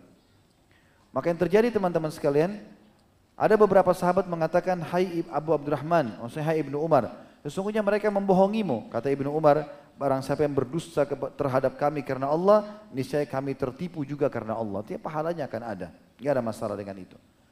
Ayub bin Wa'il berkata, Ibnu Umar diberikan uang 10 ribu, lalu ia membagi-bagikan harta tersebut, lalu keesokan harinya ia meminta makanan untuk binatang yang dikendarainya dengan satu dirham hutang. Jadi dia berinfak 10 ribu dirham, besoknya dia mau kasih makanan kudanya, nggak ada. Maka dia utang satu dirham karena sukanya dengan sodakah. Nafi berkata, apabila Ibnu Umar membagi-bagikan 30 ribu dalam satu majlis, kemudian tiga bulan baru, ya, eh, tiba bulan baru, pastilah ia tidak makan dengan sepotong daging pun, karena sudah membagi-bagikan hartanya. Abu Nuaim meriwayatkan dari Muhammad bin Qais dia berkata, tidaklah Abdullah bin Umar makan kecuali bersamanya orang-orang miskin, hingga hal tersebut mempengaruhi kesehatan tubuhnya. Abu Bakar bin Habs juga berkata, bahwasanya tidaklah Abdullah bin Umar makan suatu makanan kecuali bersamanya anak yatim. Kisah yang lain Aisyah anha ya, untuk menguatkan kisah-kisah masalah sedekah ini adalah dalam kitab Muwatta Imam Malik menukil bahwasanya telah sampai kepadanya dari Aisyah istri Nabi SAW bahwa seorang miskin meminta kepadanya sedang dia berpuasa dan tidak ada suatu makanan pun di rumahnya kecuali roti kering. Lalu dia berkata kepada pelayannya, berikan roti itu kepada orang miskin yang sedang minta. Pelayan berkata kepada Aisyah radhiyallahu anha, ya, tidak ada lagi makanan yang dapat anda makan nanti pada saat berbuka. Kata Aisyah, berikan roti itu kepadanya, jangan ditolak. Lalu dia pun berkata, lalu saya atau aku memberikannya. dan di sore hari kami pada saat menjelang buka puasa dengan hikmah Allah tiba-tiba ada seseorang mengirim hadiah dari satu keluarga yang isinya adalah seekor domba yang utuh yang sudah ditutupin, dimasak dan menggunakan minyak za'faran. Wangi sekali makanan tersebut. Lalu Aisyah memanggilku untuk berbuka puasa bersama. Seraya mengatakan, makanlah makanan ini. Hal ini lebih baik daripada rotimu tadi. Artinya keyakinan luar biasa dari Aisyah bahwasanya Allah pasti akan memberikan kepadanya makanan. Ya. Juga dalam riwayat lain tentu banyak sekali kisah tentang uh, Aisyah anha ini, tapi yang jelas ada riwayat yang lain Ummu Mukminin Zainab binti Jahash. Ada hadis Nabi SAW yang berbunyi kepada istri-istri beliau pada saat lagi kumpul beliau mengatakan bahwa orang yang paling cepat menyusul aku nanti kalau aku meninggal kata Nabi SAW adalah orang yang paling panjang tangannya di antara kalian. Tapi Nabi SAW tidak jelaskan apa yang dimaksud ini. Apa kata Aisyah? Lalu kami, para istri-istri Nabi, selalu saling mengukur tangan kami. Agar mengetahui siapa yang paling panjang tangannya. Ya, jadi sering kali ditaruh bersebelahan atau ditaruh di tembok diukur siapa yang paling panjang tangannya. Karena berpikir ini pasti yang lebih dulu menyusul Nabi dan kalau menyusul Nabi artinya orang itu dicintai oleh Nabi SAW. Ya. Sebagaimana terjadi juga pada kasus Fatimah. Ada yang Nabi SAW bisikan engkau lah keluarga yang paling awal menyusulku. Lalu Aisyah melanjutkan dan ternyata istri beliau yang paling panjang tangannya adalah Zainab.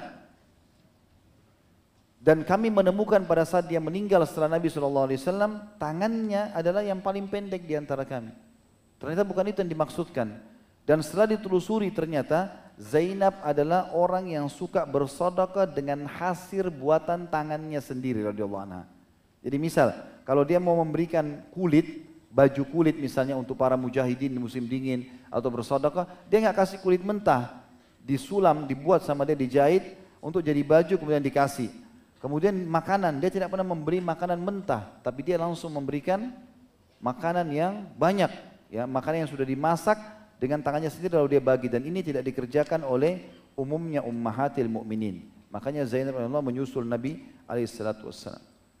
Ada kisah juga Abu Dahda radhiyallahu anhu. Nanti juga ini ada kisah sendiri sahabat ini mulia. Abdullah bin Mas'ud mengatakan radhiyallahu anhu pada saat turun firman Allah dalam surah Al-Baqarah ayat 245, "A'udzu billahi minasyaitonir rajim, man dzalladzi yuqridullaha qardan hasana." Yang artinya, siapakah yang mau memberi pinjaman kepada Allah, pinjaman yang baik? Ya, maksudnya menafkahkan di jalan Allah. Abu Dahda radhiyallahu anhu sahabat Nabi berkata, "Wahai Rasulullah, apakah Allah hendak meminta pinjaman dari kita? Kata Nabi SAW, ya benar wahai Abu Dahda. Maka Abu Dahda berkata, uh, uh, ulurkan tangan anda ya Rasulullah. Maka Nabi SAW ulurkan tangannya. Maka Abu Dahda pun memegang tangan Nabi SAW mengatakan, Ya Rasulullah, aku telah meminjamkan kebunku yang berisi 600 pohon kurma untuk Allah. Lalu kemudian Nabi SAW menerima, ya, Tentu teman-teman perlu tahu ya, satu pohon kurma ini harganya mahal sekali dan umurnya panjang. Bisa berbuah setiap tahun, bisa puluhan tahun, bisa ratusan tahun bahkan umurnya pohon kurma. Jadi di negara-negara Arab itu dianggap orang itu kaya kalau punya kebun kurma. Kalau hanya punya mobil Mercy, mobil mewah ini masih biasa, semua orang bisa beli. Tapi kalau punya kebun kurma itu orang kaya raya di sana itu. orang ini Abu Dahdah radhiyallahu anhu ini sahabat Nabi punya satu pohon kurma, kebun kurma isinya 600 batang pohon semuanya berbuah. Waktu turun firman Allah ini siapa yang mau meminjamkan kepada Allah? Dia datang kepada Rasulullah SAW mengatakan tadi kalimat itu lalu dia mengatakan ya Rasulullah ini untuk Allah. Lalu dia pun masuk ke kebunnya, istrinya lagi di kebun sama para pembantu-pembantunya lagi mau memetik kurma lalu dia mengatakan, "Hai Ummu Dahda, keluarlah. Ini sudah bukan milik kita. Aku telah meminjamkannya untuk Allah." Maka Nabi SAW mengatakan, "Kam min azkin radahin di Abi Dahda fil jannah." Berapa banyak yang akan didapatkan oleh Abu Dahda dari pohon-pohon kurma nanti di surga. Riwayat lain dikatakan, ada seseorang mengatakan, Ya Rasulullah, saya ingin sebuah pohon kurma yang saya tanam. Pohon kurma itu miliknya si fulan. Mintalah dari dia supaya sadaqah kepada saya. Maka Nabi SAW bilang kepada orang itu, Sadaqahkan pohon kurma itu kepada orang ini. Kau akan dapat nanti. Beri dia kurma ini di dunia, kau akan dapat kurma di surga. Maka Abu Dahda dengar itu. Abu Dahda datang kepada Nabi SAW mengatakan, Ya Rasulullah, Eh, dia datang kepada pemilik pohon. Mau nggak pohonmu itu saya tukar dengan 600 pohon kurma. Satu pohon kurma. Kan sama 600. Karena pohon itu sudah ditawar oleh Nabi SAW. Nilainya itu. Maka orang itu bilang tentu saja. Satu pohon kurma diganti 600 siapa yang tidak mau? Maka diambil, ditukar sama Abu Dahda satu pohon dengan 600. Maka dia pun datang kepada Nabi SAW mengatakan, Ya Rasulullah, ini pohon satu saya sudah beli dengan 600 pohon kurma. Berilah kepada orang yang anda ingin berikan. Maka Nabi SAW berikan dan beliau bersabda dengan hadis tadi, betapa banyak pohon-pohon kurma yang akan dipanen oleh Abu Dahda di surga. Juga saya sampaikan yang terakhir ini teman-teman kisah yang berhubungan dengan masalah infak ini adalah kisah yang unik dari uh, Abu Talha. Abu Talha ini tentu sudah pernah saya sampaikan kisah tapi saya coba reviewkan kembali. Dia memiliki sebuah kebun kurma namanya Bayruha. Bayruha ini teman-teman sekalian adalah uh, uh, kebun kurma yang ada di depan masjid Nabi SAW. Kebun kurmanya banyak sekali buah-buahannya dan juga ada mata air banyak. Nabi SAW sering masuk ke situ uh, minum, udu gitu kan, duduk di bawah naungan pohonnya bagus sekali. Maka waktu turun firman Allah Subhanahu wa taala, "Lan tanalu birra hatta mimma tuhibbun." Kalian tidak akan pernah uh, menemukan apa namanya? kesempurnaan pahala dari kebaikan sampai kalian menginfakkan apa yang paling kalian cintai. Maka pada saat itu teman-teman sekalian uh, dia datang kepada Nabi SAW mengatakan, Ya Rasulullah, sesungguhnya harta yang paling aku cintai adalah bayruha dan aku melihat untuk mengeluarkannya di jalan Allah. Kata Nabi SAW, ya, sungguh harta yang untung, surgu, sungguh harta yang untung. Kemudian juga teman-teman izinkan saya menyampaikan dulu beberapa manfaat daripada atau kisah-kisah nyata berhubungan dengan masalah sodaka ini. Di antaranya dinukil oleh sebagian ulama, ada kisah yang unik dari Abdullah bin Mubarak rahimahullah, seorang ulama tabi'in. Beliau pernah teman-teman sekalian didatangi oleh seseorang, datangi oleh seseorang yang sudah tujuh tahun lututnya bernanah, tidak bisa sembuh-sembuh, sudah berobat tidak bisa sembuh-sembuh. Maka orang ini datang kepada Abdullah bin Mubarak mengatakan, wahai Abdullah bin Mubarak, saya sudah tujuh tahun sakit gak pernah sembuh. Apa saran anda? Kata Abdullah bin Mubarak, carilah wilayah yang banyak muslimin dan membutuhkan sumur air galilah sumur buat mereka, Allah akan sembuhkan lukamu. Orang itu pun melakukan, dia cari lokasi yang muslimin membutuhkan, lalu dia galikan sumur, ternyata begitu selesai penggalian sumur, sembuh lukanya. Dan itu dinukil dalam kisah-kisah yang nyata. Al-Bayhaqi juga menukil tentang kisah itu tentunya ya. Dan banyak sekali kisah-kisah yang berhubungan dengan masalah itu. Ada juga kisah yang lain, seseorang sembuh dari penyakit dan ini kisah sebenarnya terjadi di Saudi beberapa waktu lalu ya. Ada orang sudah sebulan teman-teman sekalian di ini dalam kondisi tidak sadarin diri. Setahun ya. Dan dia difonis oleh dokter, dokter sudah kembalikan, tim medis sudah kembalikan kepada keluarganya, ini kembali keluarga. Kalau dicabut, mati udah orang. Udah nggak bisa berguna apa-apa, nggak sadar, pokoknya sudah seperti itu saja lah. Tentu ini hukumnya nggak boleh dicabut ya. Kalau dia masih bernafas nggak boleh. Walaupun dokter bilang terserah pada keluarga, enggak, biar dia sampai mati, alami baru kemudian dicabut. Nah itu kalau kita cabut kita membunuhnya tentunya. Ya. Maka pada saat itu sudah satu tahun istri sama anaknya gelisah. Kata dokter-dokter di situ, untuk apa kau kalian datang sini tiap hari? Datanglah seminggu tiga kali, aktivitas yang lain lah. Kata mereka tidak. Sebulan setelah satu tahun itu lebih aktif lagi. Sehari itu bisa dua tiga kali istri anaknya datang.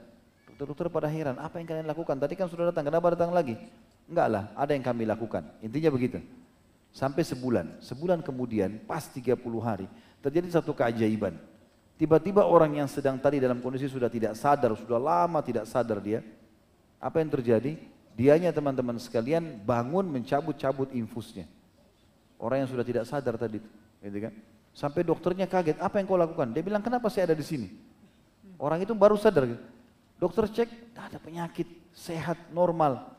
Datang istri sama anaknya, kemudian tiba-tiba peluk dia nangis gitu. Kata dokternya kepada ibu itu, istrinya sama anaknya ini, tolong ceritakan kepada kami, ini secara medis sudah nggak mungkin sembuh. Apa yang kalian lakukan? Kata istrinya, sudah sebulan ini, sudah sebulan ini, saya sama anak saya menjalankan hadis Nabi SAW, dau mardakum bis sadaqah. Obati orang yang sakit dan terkadang dengan sadaqah.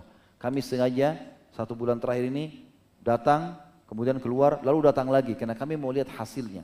Kami datangi keluarga-keluarga miskin, kami sodakakan dengan niat agar sembuh. Dan itu tiap hari kami lakukan. Kami bolak-balik berapa kali karena ingin lihat Allah sembuhkan enggak? Allah sembuhkan enggak? Dan kami sudah mengetahui dan yakin akan terjadi hari ini di mana dia disembuhkan oleh Allah Subhanahu wa taala. Jadi luar biasa ya.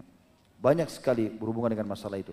Ada satu orang juga di Saudi teman-teman difonis kanker dan kanker ini sudah luar biasa akan harus dioperasi dan kemungkinan besar kemungkinan hidupnya sangat kecil. Dan ini kisah nyata, maka dia pun akhirnya di luar Saudi, di Eropa, lalu dia pamit, dia bilang saya mau ke negara saya dulu, saya mau tata semuanya, perusahaan, karena dia orang kaya, punya perusahaan segala macam, pamit sama keluarga saya, karena kalau saya memang sudah meninggal ya sudah, minimal ada keluarga saya yang bisa saya ajak sekarang. Dia pulang, dia bilang, begitu sudah selesai diatur semua, dia sudah pamit sama keluarganya, menuju ke bandara, dia temukan ada orang miskin di jalan, orang susah, lagi miskin sekali gitu. Maka dia tersentuh hatinya dia punya uang kalau nggak salah 3 ribu atau 4 ribu real. Dia kasih semua. Dikasih semua sama dia. Begitu dia berangkat ke Eropa, dokternya dalam kisah ini dikatakan sempat marah sama dia. Anda berobat ke mana? Kenapa permainkan kami? Kami tahunya ini sudah tidak ada. Dokter siapa yang berani mengangkat kanker itu? Ya. Kata dia, saya tidak pernah ke mana-mana. Saya nggak perlu, saya pulang ke negara saya cuma urus itu satu dua hari saya balik sekarang. Dia bilang tidak ada, kanker kamu tidak ada sama sekali.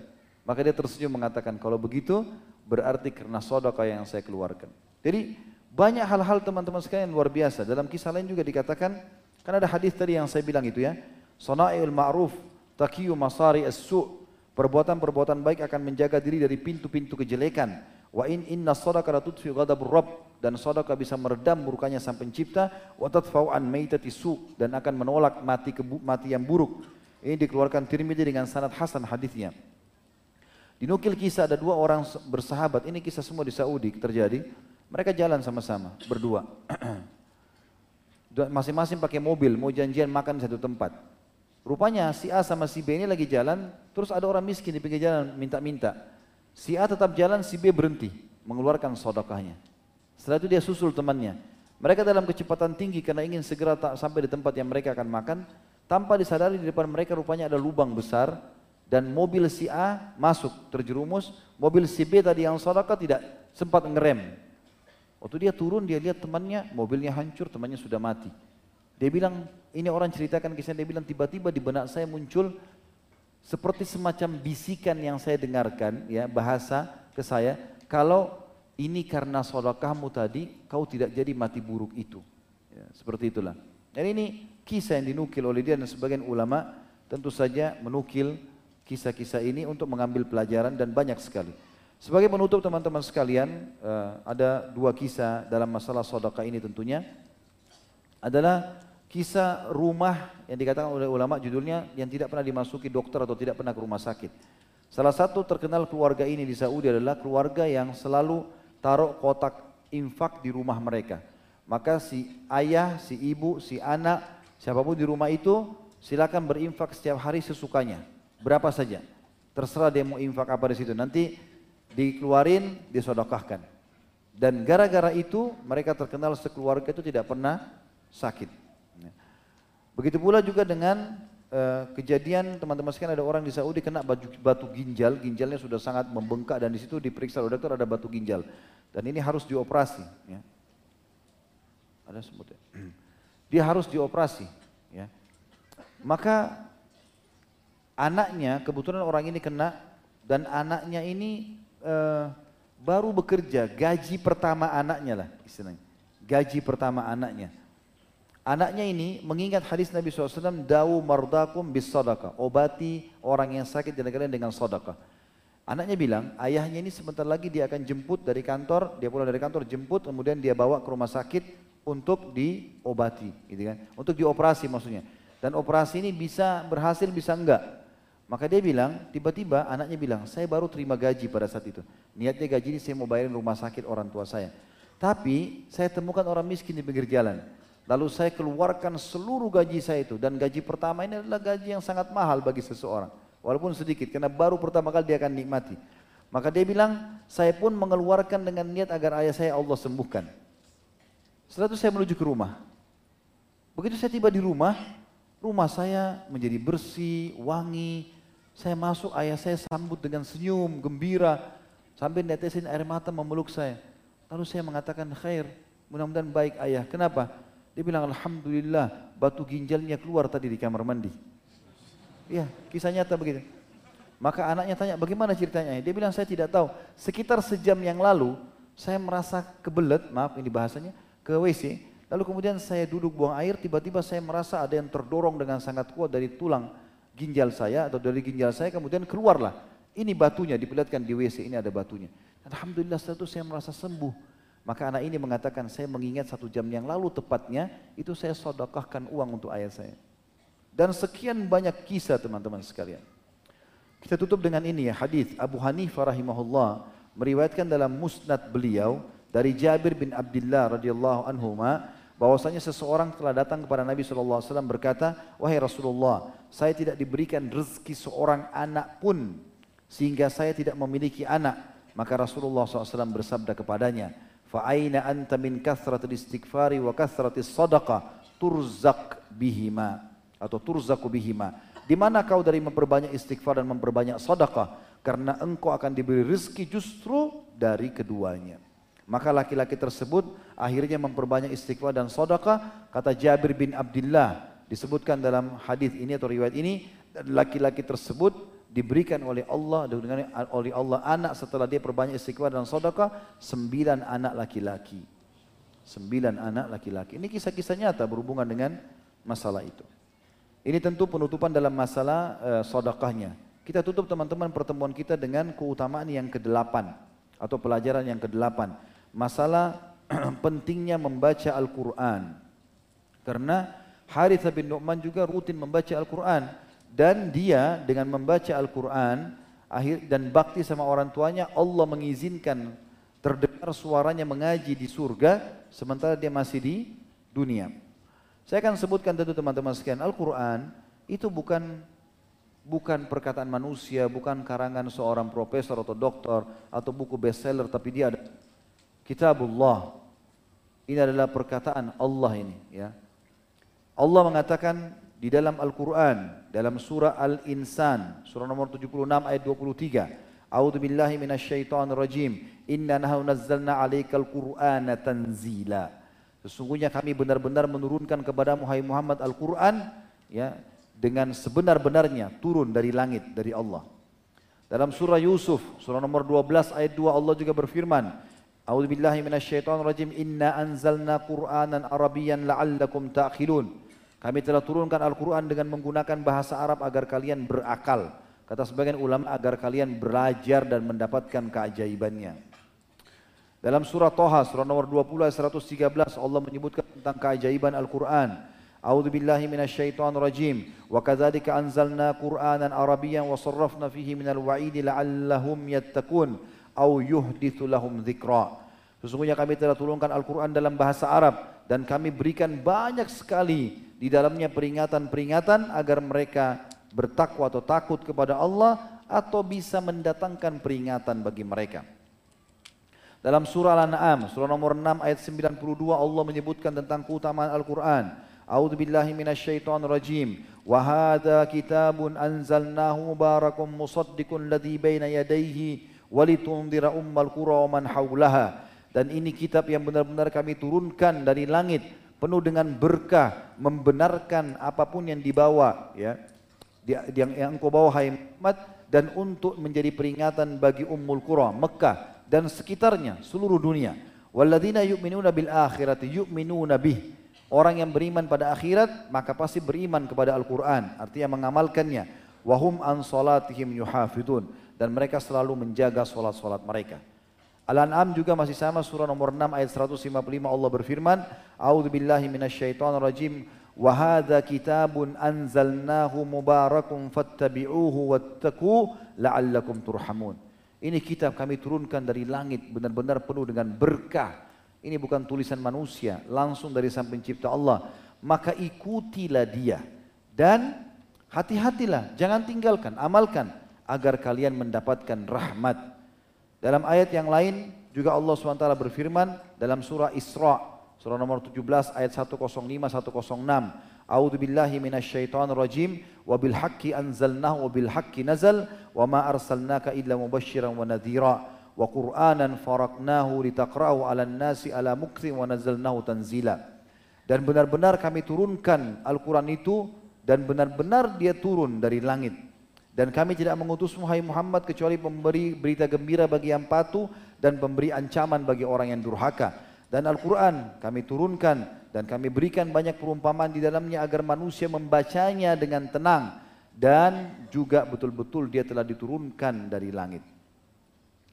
Tentu banyak sekali ayat-ayat Al-Quran teman-teman sekalian yang membicarakan masalah Al-Quran. Banyak sekali keutamaan yang mirip-mirip dengan tadi. Ada surah Al-Anbiya, surah nomor 21 ayat 50. Ada surah uh, Al-Hajj, surah nomor 22 ayat 16. Semuanya bicara surah Hud 38 ayat 29. Semuanya memperkenalkan tentang keajaiban Al-Quran atau Al-Quran itu tentu saja dari Allah SWT. Saya tidak bacakan semua, ini ada tulisan saya kecil. Eh, saya rangkum beberapa ayat berhubungan dengan keutamaan Al-Quran. Tapi saya ingin titik beratkan teman-teman Al-Quran ini Allah sebutkan di beberapa ayat kita fokus di situ tentang kedahsyatannya. Jadi dia bukan cuma sekedar buku ini. Perhatikan Allah sebutkan firman. Kalau kita renungi artinya dan kita tahu sebagai seorang muslim ini turun dari langit. Allah bilang dalam surah Al-Hashr. Surah nomor 59 ayat 21. A'udhu billahi rajim. Lau anzalna hadal qur'ana ala jabalin la ra'aitahu khashi'an mutasaddian min khasyatillah Wa tilkal amsal nadribuha linnasi la'allam yatafakkarun.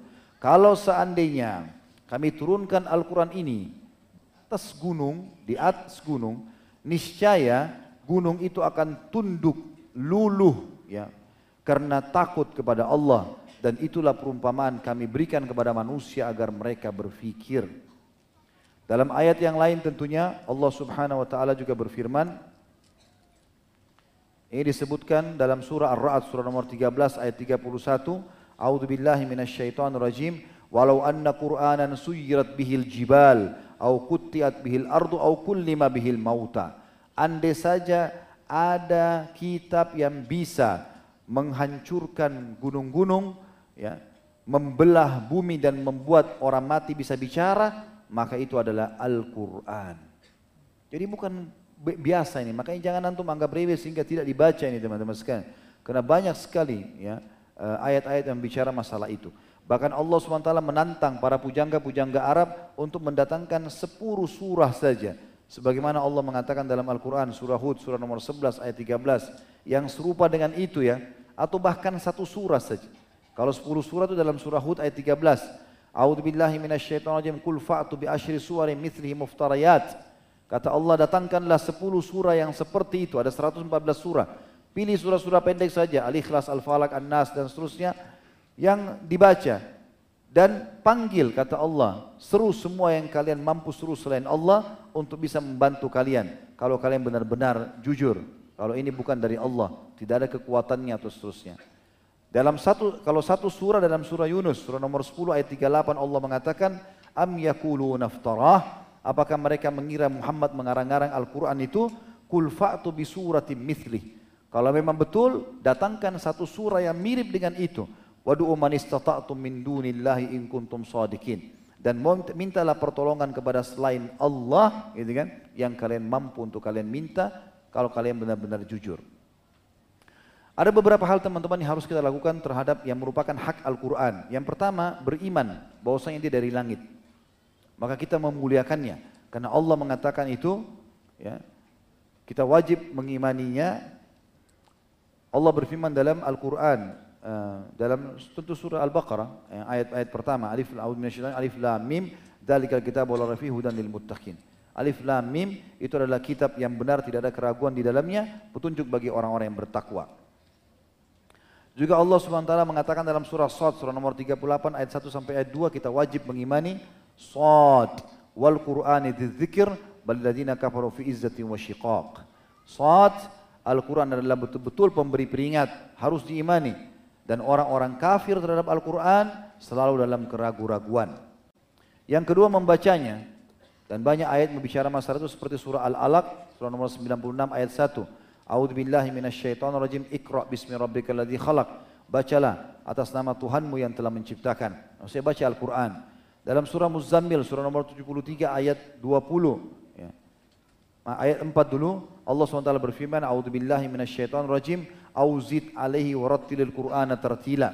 Kalau kau bangun malam, hai Muhammad, maka bacalah Al-Quran dan tambahlah bacaanmu serta tartilkanlah. Bacakanlah dengan rapi, tenang, ayat demi ayat.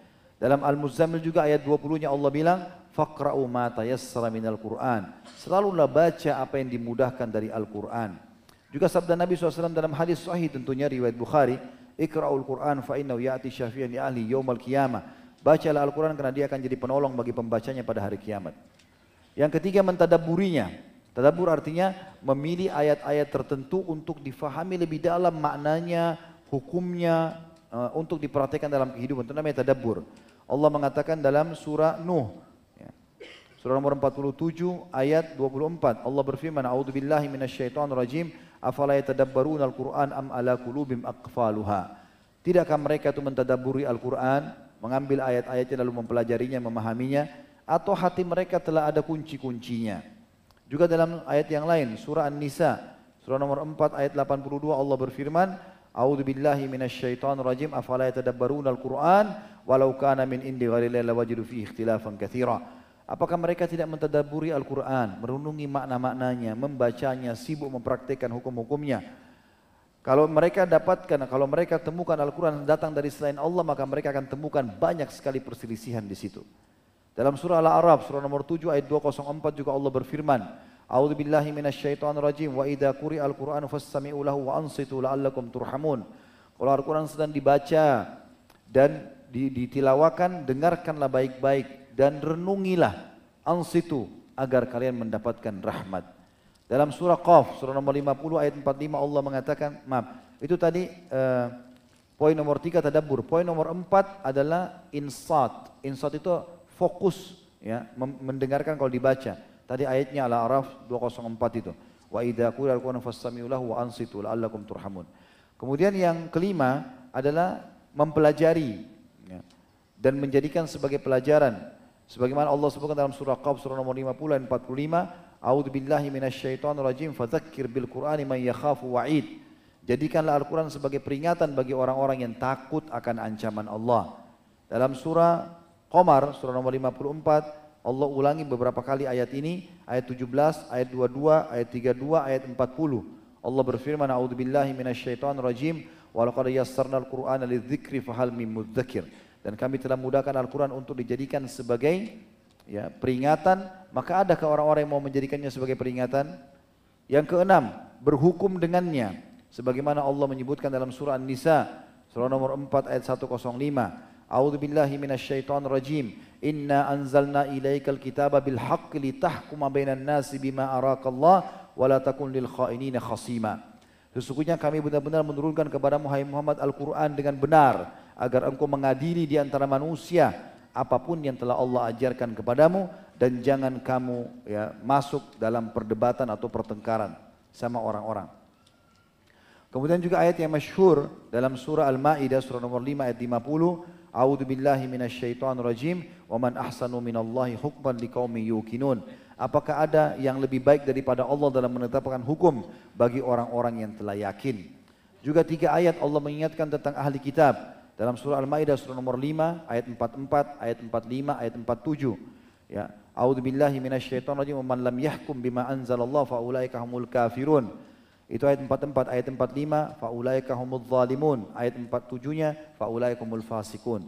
Siapa pun yang tidak berhukum dengan hukum Allah, maka mereka adalah orang-orang yang kafir, zalim dan orang-orang yang fasik.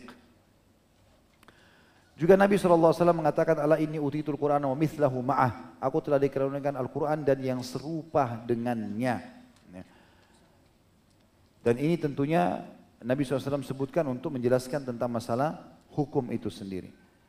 Tentang masalah hafalan sendiri dari dalilnya dikumpulkan oleh para ulama dari riwayat-riwayat di mana Nabi SAW memotivasi para sahabat untuk menghafal Al-Quran. Dan sekian banyak dalil yang berhubungan dengan masalah itu. Dan tentu teman-teman sekalian ini pelajaran-pelajaran yang bisa kita ambil dari kehidupan Harith bin Nu'man. Semoga insya Allah diambil manfaat darinya. Dan uh, kita masih harus menutup dengan satu poin. Tadi saya lupa dan ini termasuk hal yang mendasar. Yaitu uh, poin ke-9 dari pelajaran baktinya uh, atau keutamaan berbakti dengan orang tua karena tadi Harith bin Numan terkenal dengan baktinya. Penulis juga sempat menukil di sini tentang manfaat bakti dengan orang tua. Yang pertama adalah doa kedua orang tua mendatangkan taufik di dunia dan keselamatan di akhirat. Keridoan Rob tergantung pada keridoan kedua orang tua. Renungi baik-baik hadis ini. Yang pertama adalah hadis riwayat Bukhari di jilid eh, 10 di halaman 418 nomor 5974. Kata Nabi SAW, Salatu da'awatin la turat. Tiga doa yang tidak akan ditolak. Da'watul walidi li waladihi. Doa orang tua untuk anaknya. Ya. Kemudian wada'watus sa'im. Eh, doanya orang yang sedang puasa. Yang ketiga wada'watul musafir. Dan doanya seorang yang sedang safar. Saksi bahasan sini dua orang tua untuk anak. Maka teman-teman kalau masih punya orang tua yang hidup, ingat setiap hari usahakan. Kalau lupa dua hari sekali, paling lama seminggu sekali sudah harus telepon. Minta ridho mereka, minta mereka doakan. Walaupun cuma tanya apa kabar ayah, apa kabar ibu, tolong doakan saya. Itu penting. Karena tiga doa tidak ditolak, doa pertama adalah doanya orang tua buat anak. Kalau dia bilang, semoga Allah berkahi nak, semoga Allah mudahkan, semoga Allah begini, seterusnya itu Allah akan kasih. Kemudian hadis Nabi SAW tentang masalah keridhaan Allah, Allah ridho, Allah akan berikan apa yang kita inginkan. Kalau orang tua kita ridho, adalah hadis yang diriwayatkan oleh uh, Tirmidzi dan ini disahihkan oleh Syalban dalam Sahihul Jami' nomor 3032. Kata Nabi SAW, ridho Rabb fi ridho walidain wa sakhatuhu fi sakhatihima. Ridho Allah tergantung pada ridho kedua orang tua dan murkanya tergantung pada murka keduanya. Itu manfaat yang pertama, doa mereka mustajab dan ridho Allah ada pada mereka. Yang kedua, berbakti kepada orang tua melapangkan rezeki dan menambah umur. Sebagaimana disebutkan dalam hadis yang sahih diriwayatkan oleh Bukhari Muslim, uh, kata Nabi SAW, Man sarrahu an yu'azzimallahu rizqahu wa an yamudda fi ajali falyasir rahimah. Barang siapa yang ingin Allah melapangkan rezeki dan memanjangkan usianya, hendaklah dia menyambung ya, rahimnya atau kekerabatannya. Dan dalam riwayat Baihaqi, fal yubir walidayhi wal yasir rahimah. Dalam riwayat Baihaqi yang mirip dengan hadis ini, hendaklah dia berbakti dengan kedua orang tuanya dan menyambung silaturahimnya. Jadi di sini hadis ayyu'azzimallah Allah melapangkan, melipat gandakan hartanya. Itu rezekinya dengan cara bakti dengan kedua orang tua. Kemudian yang ketiga, berbakti tentu banyak dalil teman-teman. Karena melihat waktu sudah menjelang asar, saya ringkaskan yang penting kita ambil garis besarnya.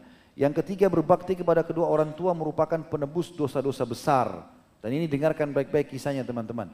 Dari Atta bin Yasar, dari Ibnu Abbas radhiyallahu anhu, ia menuturkan bahwa ada seorang laki-laki datang kepada Abdullah bin Abbas dan berkata, sesungguhnya aku pernah melamar seorang wanita, lalu ia menolakku. Kemudian ia dilamar oleh laki-laki lain, ya, lalu dia pun menerimanya. Maka karena aku cemburu, aku membunuh wanita tersebut. Jadi pelamar pertama ini dibunuh sama dia. Jangan ini yang dijadikan saksi ya. Penutupan hadis masih ada. Jangan nanti lamar orang tolak terus dibunuh nggak boleh.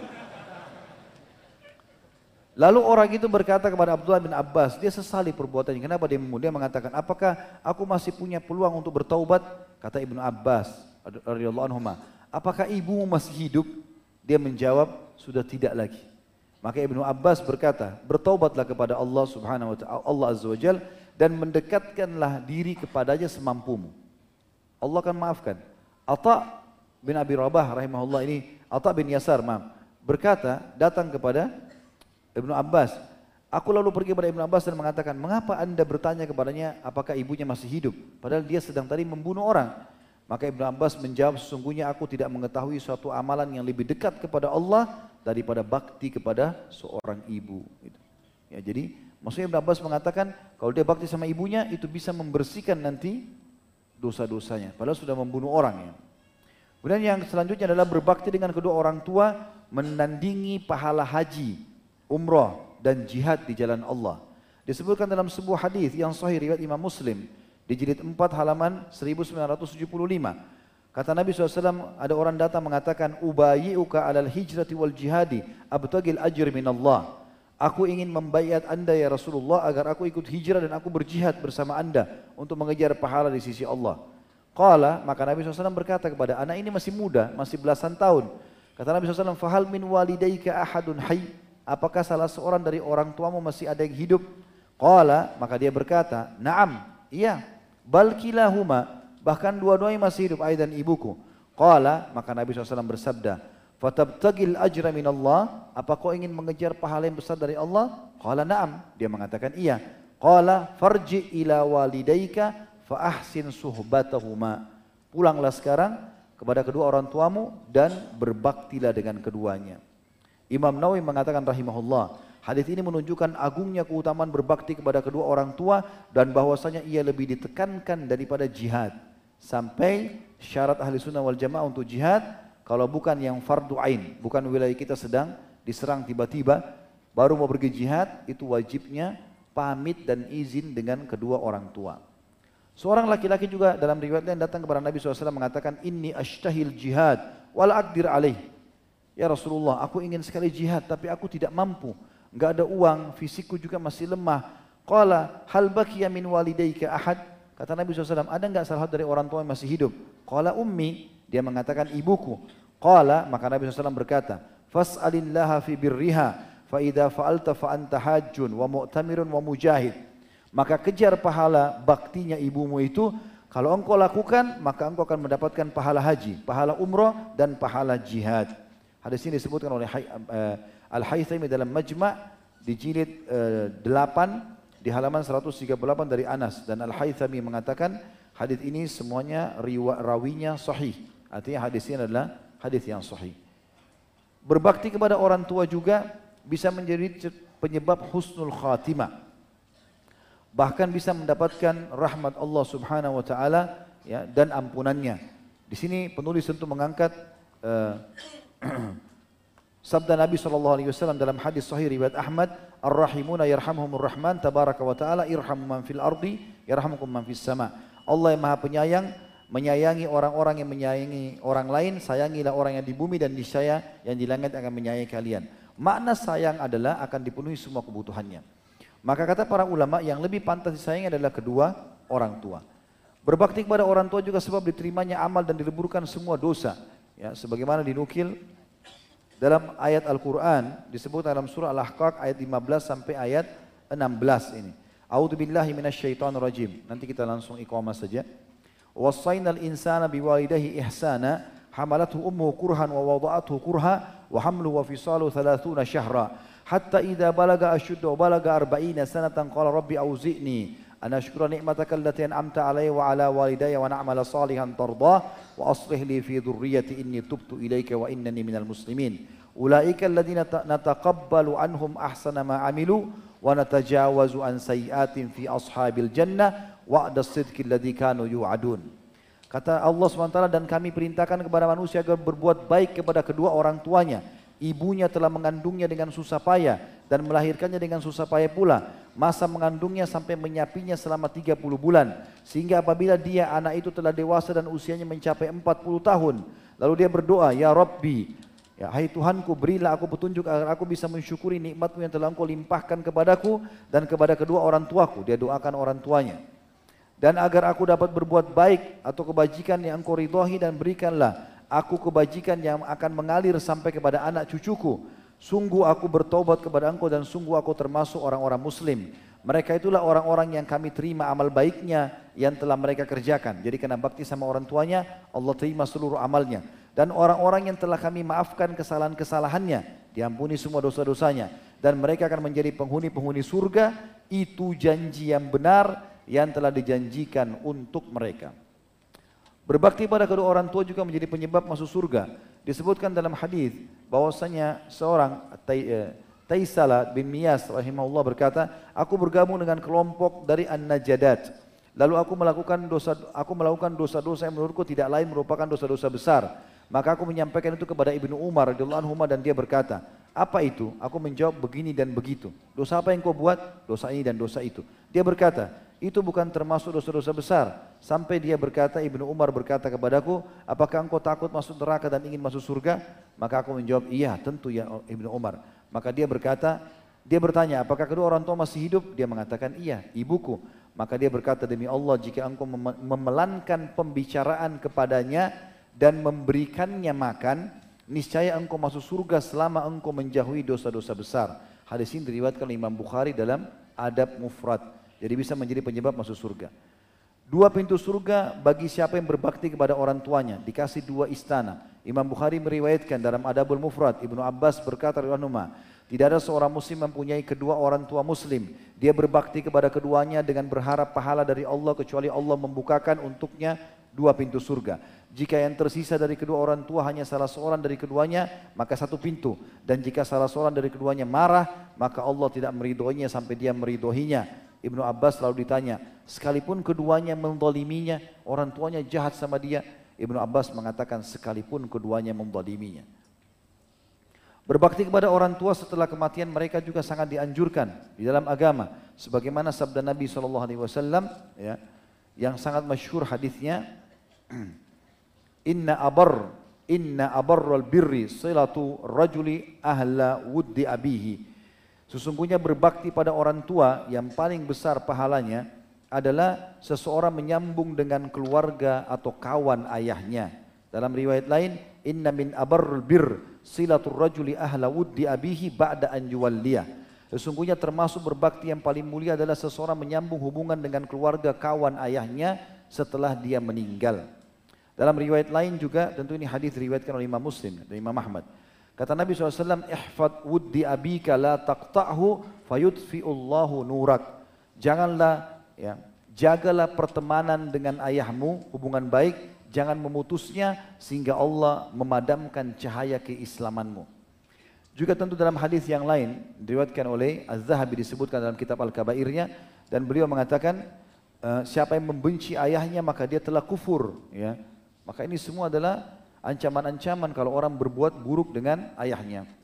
Ya, Ibnu Umar juga meriwayatkan kata Nabi kata Nabi SAW man ahabba an yasila abahu fi qabrihi falyasil ikhwana abihi mim ba'di. Siapa yang ingin melanjutkan atau berbakti dengan ayahnya yang sudah meninggal dalam kubur, maka hendaklah ia selalu menjalin hubungan baik dengan saudara-saudara ayahnya semeninggalnya. Ibnu Umar pernah radhiyallahu teman-teman sekalian memberikan sorban kepada seorang laki-laki badui dan menaikkan laki-laki badui itu dibantu, ditopang sama dia, dinaikkan di atas unta. Lalu orang-orang pada lihat dan berkata, Hai Ibnu Umar, siapa orang ini? Kenapa anda begitu muliakan? Orang tidak ada yang kenal. Apa kata Ibnu Umar? Ayahnya dulu orang ini, anak ini, dia seumur sama Ibnu Umar. Ayahnya dia dulu sahabat dekatnya Umar. Maka aku ingin ya menjalankan hadis Nabi SAW siapa yang ingin menyambung hubungan dan bakti pada ayahnya yang sudah mati, dia menyambung dengan saudara-saudara atau teman-teman ayahnya. Maka saya mengamalkan ini tentunya.